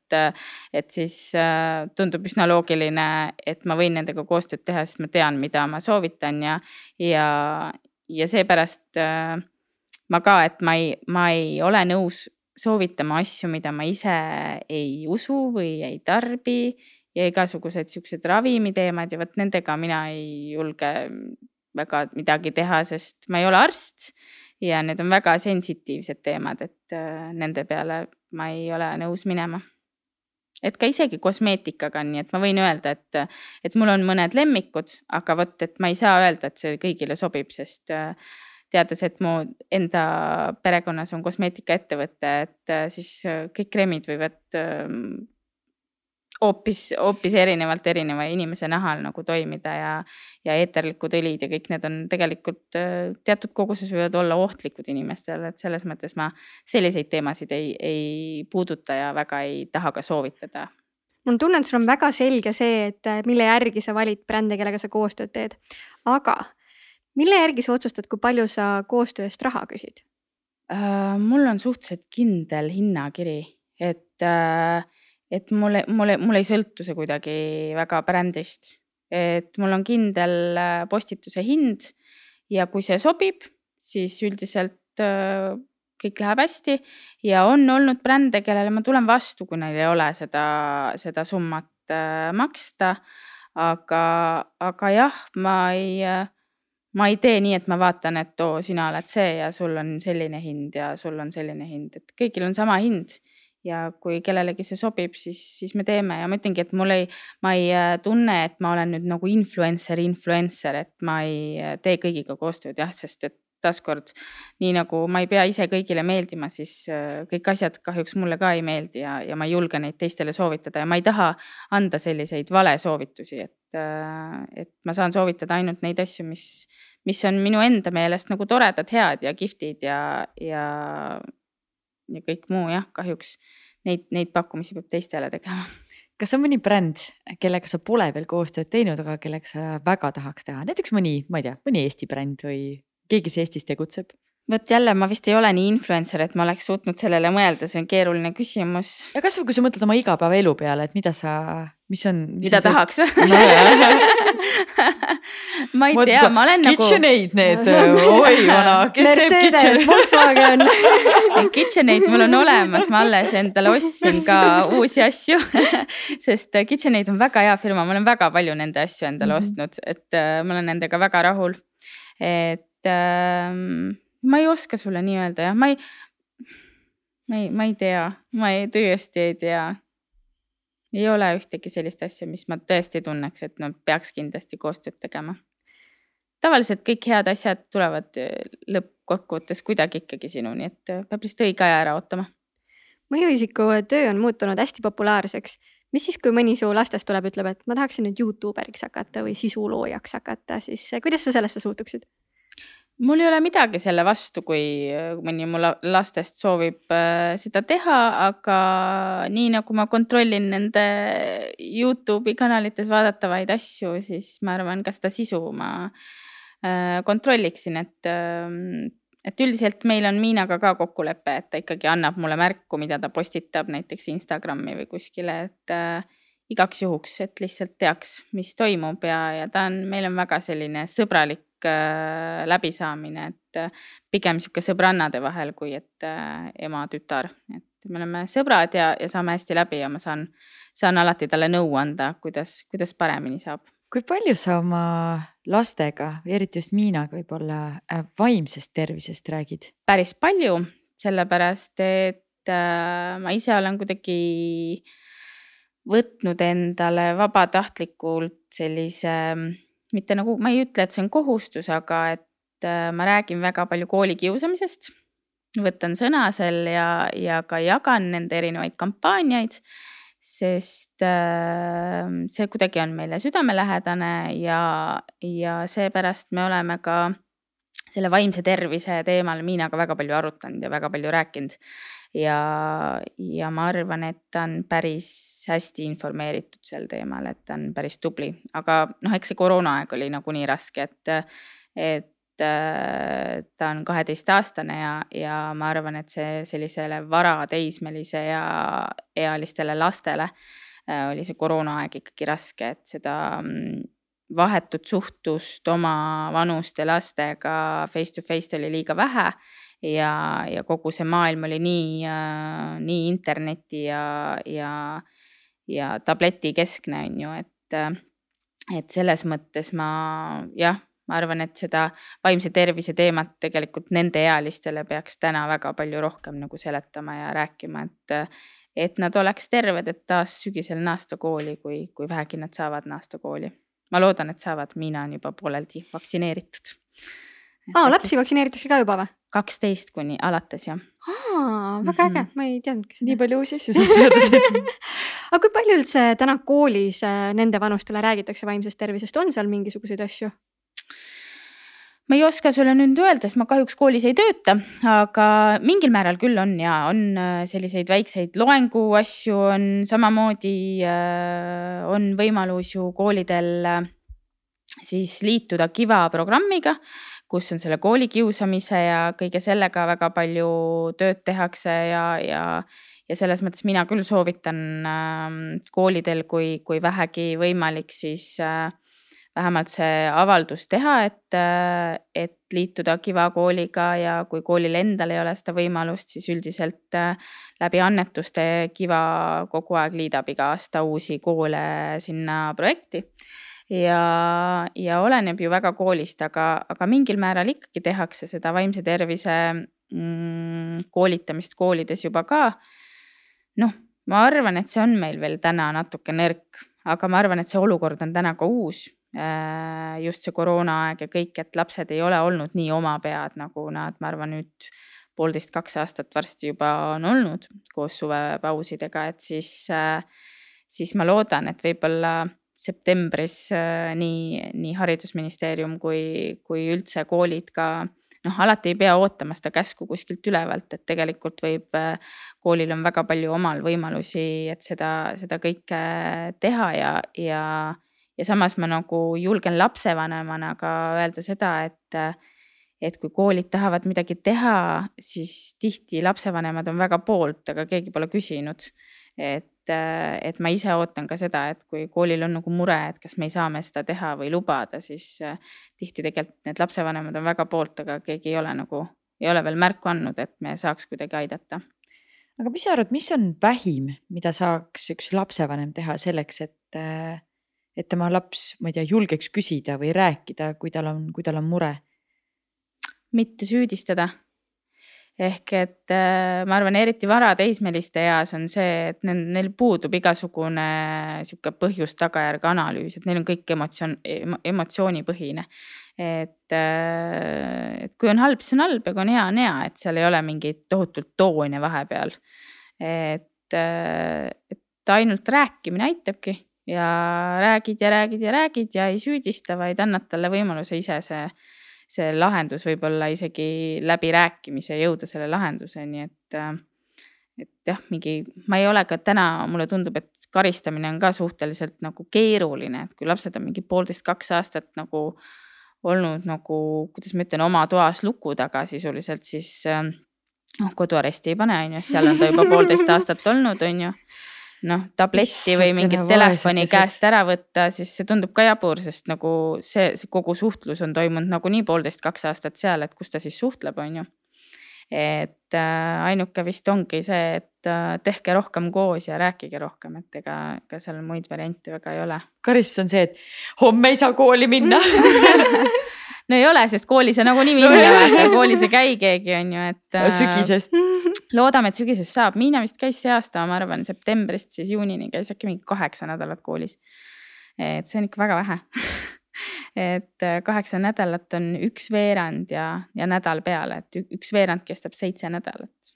et äh, see on väga-väga-väga väike ja lühike aeg, et oma sõpradega koos olla ja noh okei okay,, esimesed klassid vist said olla rohkem koolis, aga ma mõtlen lihtsalt just nende laste peale, kes läksid kooli see aasta ja, ja nagu nad tegelikult ei tea, mis on kool või mis on koolis käimine või mis on rutiin või, või noh, et see ju, ja nad ei saanud ka, ma arvan, oma nagu klassikaaslastega sõpradeks, sest et noh, nad ei käinud koolis lihtsalt, et neil puudus see võimalus nagu saada sõbraks, jah aga noh, lastel on olnud raske, aga ma arvan, et meil täiskasvanutena täpselt samamoodi, ega see pandeemia aeg ei ole nagu lihtsalt ja killast olnud, et kuidas sa oma vaimset tervist oled hoidnud?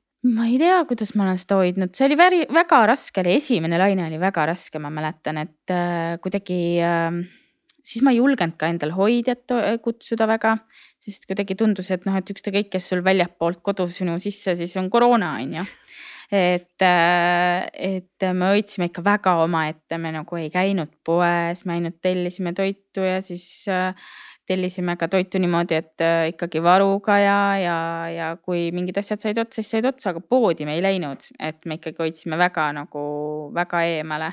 ja, ja Taavi ei käinud ka kontoris tööl, et oligi nagu kodus ja siis vot mingi hetk ma tundsin küll, et see kolm last ja siis äh, Taavi ka ja siis äh, mingi tohutu ainult mingi supp, praad, magustoit on ju.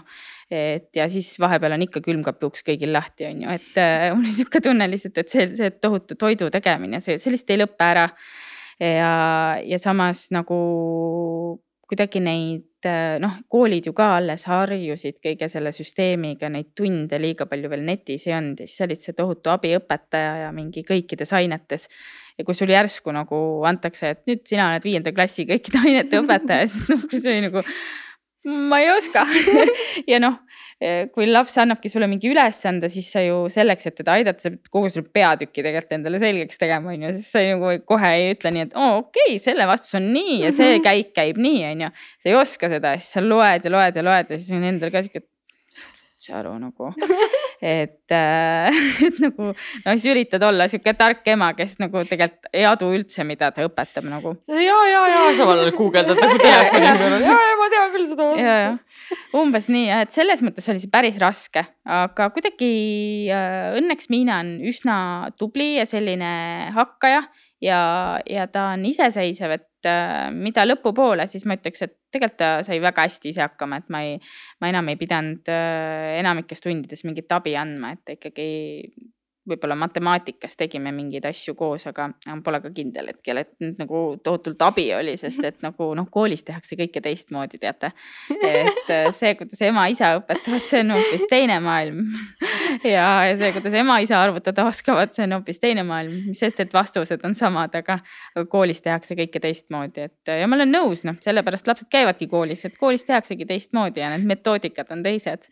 et ma ei ole neid kahjuks õppinud aga, aga jah, ega ma ei igatse küll seda aega, ma ikka loodan, et see ikkagi taastub, et äh, seda, et kõik lapsed korraga on kodus ja, ja kõigil on midagi vaja, see on ikka mm, päris, päris keeruline. ja noh, kui keegi teebki, üks teeb nagu matjatundi on ju õpetajaga ja, ja teine teeb videokonverentsi ja, ja ülejäänud kaks lähevad omavahel kaklema, siis ilmselgelt on päris, päris sihuke keeruline olukord kas sul oli mingeid hetki, kus sa olidki nagu, lõid ukse kinni, läksid jalutama, ütlesid, ma ei suuda, ei ole vaja? oli ikka, ma arvan. Äh, ma ei tea, kas ma jalutama läksin, aga mingi õhku hingama küll õue, aga paar korda ma mäletan seda, et ma tegin mingi nagu keva äh,, jah, kevad tuli, siis ma hakkasin äh, hästi palju olema õues lastega, lihtsalt, et anda nagu Taavile ja Miinale see võimalus nagu toas äh, neid asju enam-vähem vaikuses teha. Et siis me lihtsalt olime kogu aeg õues ja liivakastides ja, ja noh, meil muidugi esimese koroona ajal kohe siis äh, ostsin batuudi õue ja ma olin täielik batuudi vastane ja siis, äh, siis kui ma sain aru, et vaata mänguväljakutele ei saa minna, sest need lindid olid ju ümber, siis äh, meil külas nagu kõik tegid endale mänguväljaku hoovi ja järjest tulid need batuudid kõigile ka hoovi, nii et me oleme ka üks nendest, kes omavad batuuti see on väga hea treeningvahend nii ka vanematele, nii et. ja äh, ei, no lapsed on siiamaani väga rahul, selles mõttes on sellest, ma ei saa öelda, et see oleks kasutu asi olnud, et ja tui-tui-tui siiamaani ei ole midagi juhtunud ka. no me rääkisime palju vaimsest tervisest ähm,. räägime natuke keskkonnatervisest. nii. kui palju te kodus üldse räägite sellest, et Äh, jätkusuutlikkusest ja sellest, et äh, Eestit peaks hoidma ja loodust peaks hoidma, et äh. äh,. ikka räägime, noh, seda tuleb ka ju palju tegelikult koolist ja ma mäletan, Miinal isegi juba lasteaiast tuli seda mingi prügihunt, mingi sihuke mhm. tüüp oli, ma päris täpselt ei tea, kust see prügihunt pärit on, aga, aga oli igal juhul mingi tüüp, keda nimetati prügihundiks ja siis tema sorteeris noh, mingi papp ja klaas ja, ja need asjad, et äh, et me räägime sellest küll, küll me ei ole hetkel, ma arvan, täna mingid tohutud etalonid selles, et, et me sorteerime küll paberi ja pappi ja me sorteerime taarat. Aga, aga pakendit ma hetkel ei sorteeri, mul ei ole lihtsalt selleks ruumi, ma ütlen ausalt. Ja aga kui mul oleks see ruum ja noh, uude majja ma olen planeerinud selle, et, et mul on selleks oma ruum, oma koht. Ja et et, ma hakkan seda sorteerima. Ja mulle tegelikult meeldib sorteerida ka nii-öelda biolagunevat äh, jäädet, et ma olen ka sellele uues majas kõvasti mõelnud ja panustanud. no mitu prügikasti siis kokku tuleb? kööki tuleb viis. seda on ikka päris palju, see on väga eeskujulik. jah aga jah, see on nagu, mulle tundub lihtsalt, et see on nagu mõistlik lihtsalt, et sa saad, minu meelest saab prügi sorteerida siis, kui sul on selleks tehtud kõik nagu lahendused et äh, kui see muutub sulle tohutult tülikaks, siis sa lõpuks ikkagi loobud, siis läheb mingi päev läheb ikka midagi valesse prügi sellesse, siis see, siis ei ole juba enam sorteeritud prügi mm. -hmm. et aga kui sa oled selle läbi mõelnud, et sul on kõik nagu hästi loogiline ja, ja igal asjal ongi oma koht, siis see on võimalik ja siis see ei sega su nagu igapäevast elu, see sorteerimine. no sorteerimine on üks osa keskkonna säästmisest, teine asi, mida praegu hästi palju rõhutatakse, on see ületarbimise tagasitõmbamine. kuidas teil mm -hmm. peres on? Äh, mina proovin seda hästi hoida niimoodi minimaalsena. et aga võib-olla see õnnestub mul ka üsna palju tänu sellele, et ma teen ise palju süüa ja, ja, ja õnneks oskan ka süüa teha. et, et, et jah, et selles mõttes ma suudan teha nendest külmkapi, kuidas öeldakse, jääkidest nagu toitu, on ju. ja, ja üldiselt toitu me viskame ikkagi väga vähe ära, et et äh, ja see ei ole kunagi meile, ei mulle ega Taavile väga nagu meeltmööda olnud ka, et, äh, et toitu ära visata, et kui lastele teed makaronid äh, ketšupiga, siis tegelikult needsamad makaronid, mis üle jäävad, siis saab teha salatit, salatit või mida iganes, on ju, et. omleti sisse. ja, või siis aga nagu tegelikult on ka nii, et kui sa lastele need makaronid ära oled teinud, siis saab teha makaronid ka. makaronid omleti sisse, what? Ma õpetan sulle. aga ei no makaronidele saab ise teha lihtsalt nagu uue kastme peale onju, et sa ju teed koorekaste. ei, koorekaste või mida iganes.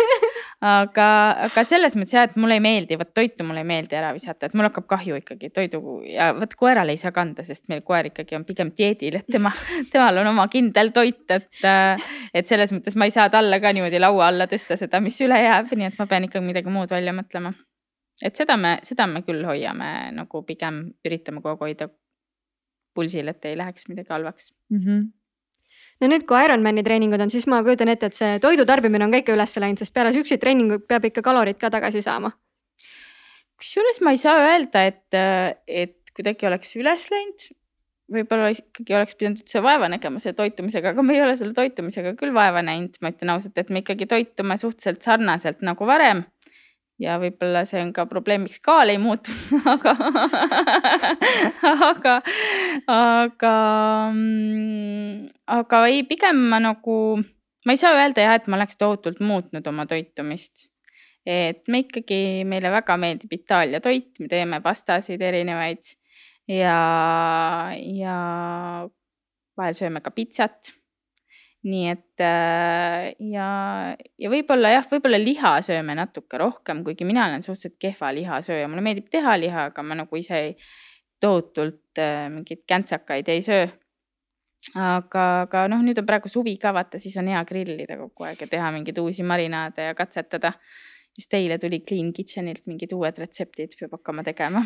see on nii popp see tundub ja. nii lihtne ka ongi lihtne, ma täiega soovitan seda, see on nii tore, sest äh, noh, mina, kes ma ju teen tegelikult palju süüa, ma olen nagu nii palju ägedaid retsepte nagu endale nagu igapäeva nagu menüüsse juurde saanud. ja mis on veel lahe, et mul lapsed nagu proovivad vaata ka ja, ja lapsed on nagu lihtsalt nii, nii palju uusi toite hakanud sööma, et äh, ma ei tea, Uma, kes on kaheaastane, sööb mul mingeid Hongkongi stiilis riisi näiteks, et nagu see on nii lahe lihtsalt, et ta nagu hullult fännab mingeid riisitoite peale seda, kui ma sealt Clean Kitchenist hakkasin mingeid uusi retsepte proovima. aga et, äh, sa proovid ainult retsepte või sa tellid sealt seda, seda, need söögiasjad ka või kuidas? ei, sealt tellingi ja, ja sealt tulevad okay. kõik õiged kogused, nii et sa mm -hmm. nagu just nagu mõnes mõttes ka see, et sa ei äh, raiska vaata mm -hmm. toitu, on ju. et äh, sul on ju see, et kui sa poodi lähed, siis ostad seda kartulit ikkagi rohkem kui mm -hmm. selle nagu ma ei tea üksi-kaksi on ju oled. et, äh, et selles mõttes nagu õiged kogused ja sa ei kasutadki selle, seal on täpselt needsamad kogused, sa panedki selle toidu sisse mm, -hmm. sul ei jää midagi järgi ja noh kui sa ära ei söö, siis jah, sööd järgmisel päeval mm -hmm. võib-olla on ju. aga, aga selles mõttes mulle meeldib see just see mõte, et, äh, et kõik on nagu õiges koguses mm -hmm. ja ei, ei pea ostma tegelikult seda mingit kahte kilo kartulit, et seda kahte kilo kartulit sul ei olnud nagu tegelikult selle toidu jaoks vaja vaata. võib-olla ise ka siis ei söö üle, sest et noh, ma, mulle tundub, et inimesed ikkagi väga ülehindavad oma, oma neid koguseid, mida nad söövad, et äh, Ja need on ikka päris, päris suured, et tege, tegelikult, et noh, kui ongi see, et oo, et ma ei saa aru, miks kaal ei, ei lange mm., siis tegelikult on asi väga lihtne, sa pead sööma vähem ja, ja nii Jah. ongi, sa pead sööma vähem, kui sa või sa pead kulutama rohkem, kui sa Kui sa siis sööd. sisse sööd. et äh, tegelikult on füsioloogia hästi lihtne. aga äh, me juba rääkisime siin triatlonist ja sellest, et sa teed kõvasti trenni, sa oled sellel aastal Ironmani hea, kuidas see on, hea, Hea eeskuju eeskuju. ja hea, Hea eeskuju eeskuju saadik, täpselt jah. nii. miks sa otsustasid selle rolli vastu võtta? hea küsimus muidugi, ma ei tea päriselt, ise iga päev seda enda käest. Ma küsin iga päev päriselt seda enda käest, miks ma, miks ma seda teen. ma ei tea, see oligi sihuke lugu, et äh, tegelikult ju Kalev Kruus kutsus Taavit ja siis äh, Taavi ütles ja, ja, ja siis äh, Kalev oli öelnud, et kuule, et meil nagu pole aastaid mingit naiseeskuju olnud, on ju, et, et kas Luisa ei tahaks proovida. ja siis äh, Taavi ütles, et ma ei usu, et ta pole üldse sportlik, vaata, on ju. ja siis Taavi tuli selle jutuga koju ja siis äh, mõtlesin, et mis asja, et tegelikult võiks ikka proovida, et äkki on nagu ikka äge ja, ja samas on nagu siis ju see motivaator, vaata, et ega sul, kui sa nagu ikka vastu võtad, ega siis ei saa trenni tegemata jätta, on ju, et sa ikkagi pead tegema ja sul on mingi eesmärk ees ja kuigi see eesmärk no täna tundub ikka nii õudne, et äh, eriti peale seda väikest äh, distantsi, mida ma proovisin, siis ma ei ole üldse kindel, et mi- noh, tõesti on tekkinud sada korda see küsimus, et miks ma ja ütlesin. aga äh, siis mulle tunduski nii, et, et ma ikkagi proovin ära ja vaatan, mis saab ja mu ainuke nagu mõte oli see, et nad on seda teinud varem ja ma ei ole esimene katsejänes, on ju, et ei saa olla nii, et mina nüüd suren ära, vaata, on ju, et noh, et ma ei saa üldse nagu, et noh, ma ei jõua startigi, on ju, et ma olen juba enne kutupiilu. et, et peab mingi chance olema, et ma ikkagi läbin selle. Eriti kui ma ikkagi üritan enam-vähem selles nii-öelda treeninggraafikus või selles nagu püsida. ja siis äh, vot ütlesingi ja, jah. päris, päris hull mõte ma ütlen, täitsa sõge mõte tegelikult, et see nagu, see ei ole mingi sihuke, et ah, nii lihtne on olnud, ei ole, ei ole, absoluutselt ei ole lihtne olnud, päris, päris hull. kuidas see treeningkava üldse välja näeb? ideeliselt on nii, et mul kolm korda on ujumist nädalas treeneriga, nüüd on mul äh, hoidja on hetkel puhkusel ja on natuke keeruline selle treeninguga olnud, aga ma ikkagi üritan, ma olen äh, rohkem teinud rattasõite praegu, et siis, kui Taavi õhtul koju tuleb, et siis ma lähen ratast sõitma. aga, aga üldiselt on nii, et ongi kolm korda on olnud mul seda mm, ujumist ja siis on seal veel vahepeal rattasõitu ja reedeti on kindlal kellal jooksutrenn, mis on kohutavalt raske. Kas teete seda kellegiga koos või mingi pundiga koos või teete üksi jah, meil on seal üks sihuke väiksemat sorti punt on Taavi, mina ja siis äh, Franz Malmsten ja siis Kalev Kruus ja on veel ka Kristiina Kuusk, üks äh, vehkleja. mm? -hmm. issand, kõht koriseb. nii, see on see, kui nii palju söögist siin räägime. võiks veel mingeid äh, neid toidupilte ka vaadata. Aga sa võtsid enda jaoks selle väljakutse vastu, mis sa arvad, kui äh, positiivselt see üldiselt ühiskonnale mõjub, kui me näeme, et tegelikult kõik on tehtav, et äh, me võimegi tippsportlaseks järsku saada. ei no tippsportlasest on ikka asi väga kaugel. Ironmani läbimine, sa oled tippsportlane. ei, ei, ei, seda ma ei usu, et tippsportlane on ikka midagi muud, ma arvan, et nad teevad hoopis palju kuidagi teaduslikumalt seda asja ja nad just see toitumine ja ma arvan, see kõik on hoopis midagi palju nagu mingi plaan, plaanis kinni ja mingi sihuke värk, et mina ju seda tegelikult ikkagi ei tee. Et, et ma treenin küll selle treeningkava siis järgi üldiselt ja vahel vahetan neid päevi ja, ja trenne ja, ja, ja proovin äh, hakkama saada, aga selles mõttes võib küll öelda jah, et kui sa ikkagi järjepidevalt, mis ta siis tuleb, umbes pool aastat või seitse, seitse kuud seitse kuud sellest hetkest, kui me siis alustasime, et, et äh, siis on võimalik nagu mingi tase saavutada ja noh, ma ei tea, kas nüüd tase saavutada, aga pigem sa saavutad selle hetke, et äh, sul, sul hakkab sport ikkagi meeldima. sulle pigem tekib selline asi, et kui sa ei tee midagi, siis sul on süümepiinad, on ju. et, et noh, mõnikord on isegi nii, et ju peab jätma mingi pausi enda kehale või noh, et andma seda puhkust, on ju. ja noh, kui sa oled siis, ma ei tea, päeva puhanud või poolteist, siis on nagu no ikka sihuke, et saad aru küll, et tegelikult ei tohiks nüüd trenni minna, et tegelikult on sul vaja veel nagu korraks ikka noh, ma ei tea, kas a la mingi haigusest üle saada või midagi. aga sul on see kihk on nii suur, et sa nagu ikka, noh, ma lähen siis kõnnin, on ju. higistad seal on ju, endal on jumala raske halb olla, on ju. et, äh, et selles mõttes jah, sul tekib see nii-öelda fanatism või, või see asi. Ja mis on minu arust positiivne, et äh, ma ei saa nüüd küll öelda, et jooksmine mulle meeldima oleks hakanud. Ja ilmselgelt see on esimene, mis ära kukub, kui see kaheksas august mööda saab. aga vot rattasõit on mega äge ja, ja ujumine mulle ka väga meeldib, küll võib-olla nüüd noh, ütleme nii, et ma olen isegi hakanud nüüd siis järvedes ujuma, sest no lihtsalt see on kasulik mulle selleks, et see Ironman läbi teha, on ju. aga muidu ma vabatahtlikult üldse kuskile järve ka nagu ka noh, Eestis merre liiga vabalt nagu ujuma ei läinud. aga nüüd ma juba käin ja ma arvan, et selles mõttes äh, minu jaoks on see suur muutus, et ma arvan, et ma järgmised suved olen ka nõus kuskil järvedes ujuma. no võib-olla küll mitte korraga mingi üks koma üheksa kilomeetrit otseselt ei, iga kord ei tõmba, on ju. aga, aga vähemalt äh, niimoodi vees olema ja sulistama ja ujuma, et see on, see on minu jaoks kindlalt äh, jääb külge ja ma arvan, et ka basseinis nagu käimine, mulle väga meeldib ujuda ja see vees olemine mulle väga meeldib jah, võib-olla see, kuidas teised üle ujuvad, see ei meeldi, aga, aga, aga muidu on, muidu mulle meeldib jah. hakkad kiiremini ujuma ja, ja siis hakkad ise teistest üle ujuma, et mm. -hmm no ma ei tea jah, kui kiireks see nüüd võimalik minna on, ma vaatasin, et tegelikult ma olin ikka täitsa tubli, et see seitsesada viiskümmend meetrit ma ujusin kakskümmend kolm minutit, et see oli minu jaoks ikkagi, ma ise ei arvanud, et ma nii kiire olen, et ma pigem arvasin, et mul läheb sihuke kakskümmend seitse minutit. aga tuli päris kiirelt. sellised väiksed eneseületused, need aitavad päris hästi edasi. ja samas ma mõtlen, et iga saja, sada meetri edasi oled rohkem väsinud, nii et selles mõttes. kusjuures ei. ujumisega minu arust ei ole väga. Lõpus mitu on veel. mitu korda te teinud olete seda?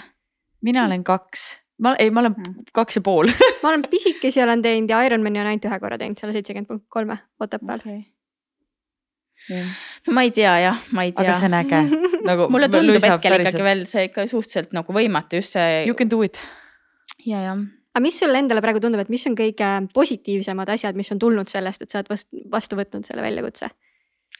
Äh, just see, et su, et sulle meeldib teha sporti, et ma, ma päriselt, minu jaoks on olnud äh, sportlik tase nullist sajani, et noh, ma ei nagu sisuliselt ei teinud mitte midagi enne. et ma käisin natuke jõusaalis, aga noh, see oli sihuke sõbrannaga koos, et meil oleks koos mingi koht, kuhu me lähme kindlal hetkel ja lapsed on siis sel hetkel hoius ja siis lihtsalt, et nagu, et see ei oleks lihtsalt kohvikus istumine, siis me käisime jõusaalis on ju, et nagu, et äh, pigem, pigem nagu selline sportlik tase ja see kindlalt ei olnud midagi, midagi sellist, mida ma hetkel teen. Aga mulle väga meeldib see, et ma seda teen ja ma olen täiesti kindel just, et, et see rattasõit kindlalt jääb mulle üheks lemmikuks, sest mulle tõesti hullult meeldib kulgeda ja, ja kohati on nagu äge ka nagu hästi kiiresti sõita, aga mulle meeldib ka see, kui sa sõidadki, ma ei tea, mingi kakskümmend üks, kakskümmend kolm kilomeetrit tunnis rahulikult ja vaatad mis ümberringi toimub ja sõidad mingitesse uutesse kohtadesse. ma küll veel ei ole liiga julge maanteel sõitja, et ma natukene seda ikkagi veel pelgan, et äh, mulle tundub, et ikkagi jube lähedalt sõidavad kõik mööda. et ähm, siis ma ikkagi otsin niimoodi vaikselt kogu aeg endale uusi mingeid kergliiklusteid, kus äh,, kus käia aga ma olen, ma, ma sõidan küll maantee ääres ka, aga, aga pigem siukseid lühikesi otsi, mingi viis kuni kaheksa kilomeetrit, et jälle liituda mingi kergliiklusteega ma arvan, et see on õigustatud hirm, nii et äh, pigem, pigem ole jah ettevaatlik sellega.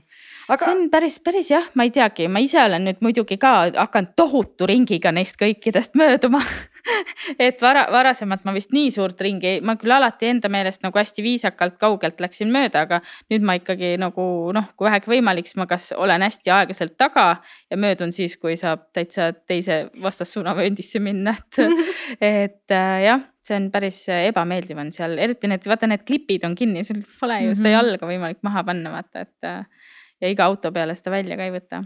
mina jäingi kergliiklusteede peale, ma see maantee, ma proovisin kaks-kolm korda, ma olin nagu nope, thanks but no thanks samas maanteel ikkagi on jube mõnna sõita tegelikult, selles mõttes on ikka mõnus, et äh, just, et neid mingit ma ei tea, neid maha ja peale sõite ja neid äärekivisid ja kõike seda ei ole, et see mm -hmm. ja pluss nagu no kergliiklusteedel kõik need koerad, lapsed äh, suvalises suunas hüppavad, jooksjad ka, et äh, see on päris ohtlik, mul ikka on päris äh, huvitavaid olukordi tekkinud. et see on väga-väga ohtlik on tegelikult mm -hmm. seal kergliiklusteedel sõita, et eriti kui ikkagi tempo üles saad, siis äh, jah, see on põnev, eriti need koerad, et see on väga ohtlik noored ja liigume fänniküsimuste juurde. ja, sest me mm. peame tasapisi. ja äh, niimoodi, kusjuures ma vist oleks ka sama asja küsitanud, küsitanud äh, sest et mind täitsa huvitab, mis on äh,, mida sulle kõige enam meeldib küpsetada ja palun retsept ka. või siis me paneme retsepti pärast äh, Youtube'i lingi alla. issand, küpsetada tead, tegelikult on see, et ma küpsetan küll jah, aga ma küpsetan tavaliselt hästi tihti nii, et nagu sellest, mis mul on. ja hmm. siis äh, a la ma ei tea, olen ostnud mingi kohupiima on ju külmkappi ja siis tavaliselt on võid ja suhkrut jahu ka kapis on ju, siis ma teen selle või suhkrujahuga teen tavaliselt siukse, ma ei tea, muretaignalaadse mingi põhja ja siis äh, võtan mingi neli muna, vahustan valged ja kollased eraldi siis äh, segan kollased koos kohupiimaga.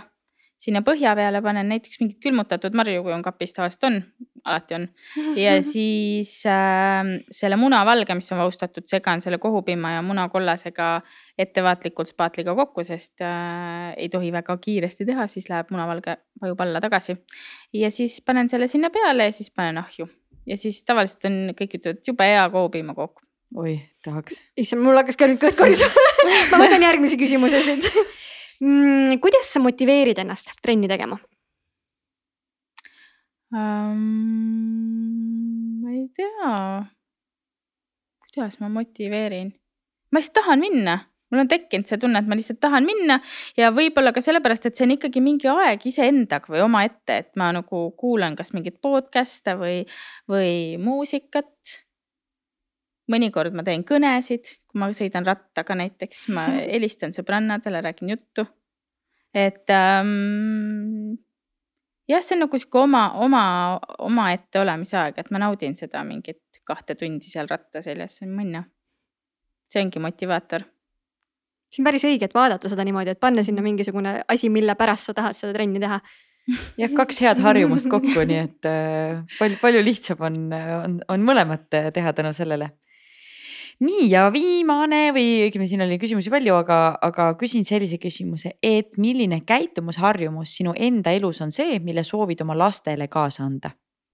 see on nii raske küsimus, no kõik inimesed on head, et äh, uskuma peab alati sellesse, et, et kõik on head, neil on, et isegi kui nad käituvad kuidagi valesti või sulle mitte sobivalt, siis äh, võiks alati proovida leida seda, seda mõtet, et äh, miks ta nii käitub või, või miks ta seda teeb. et äh, mitte alati olla kohe nagu negatiivselt laetud vastu, vastu midagi lajatada. ja ma ei tea, minu meelest on kõige õigem see, et ela ise ja lase teistel ka elada, et äh, siis ongi, siis on kõigil hästi mõnus. aga, aga me, me jätkame soovitustega. meil on paar soovitust äh, veel esimese asjana üks asi, mida iga inimene võiks õppida. muusikat.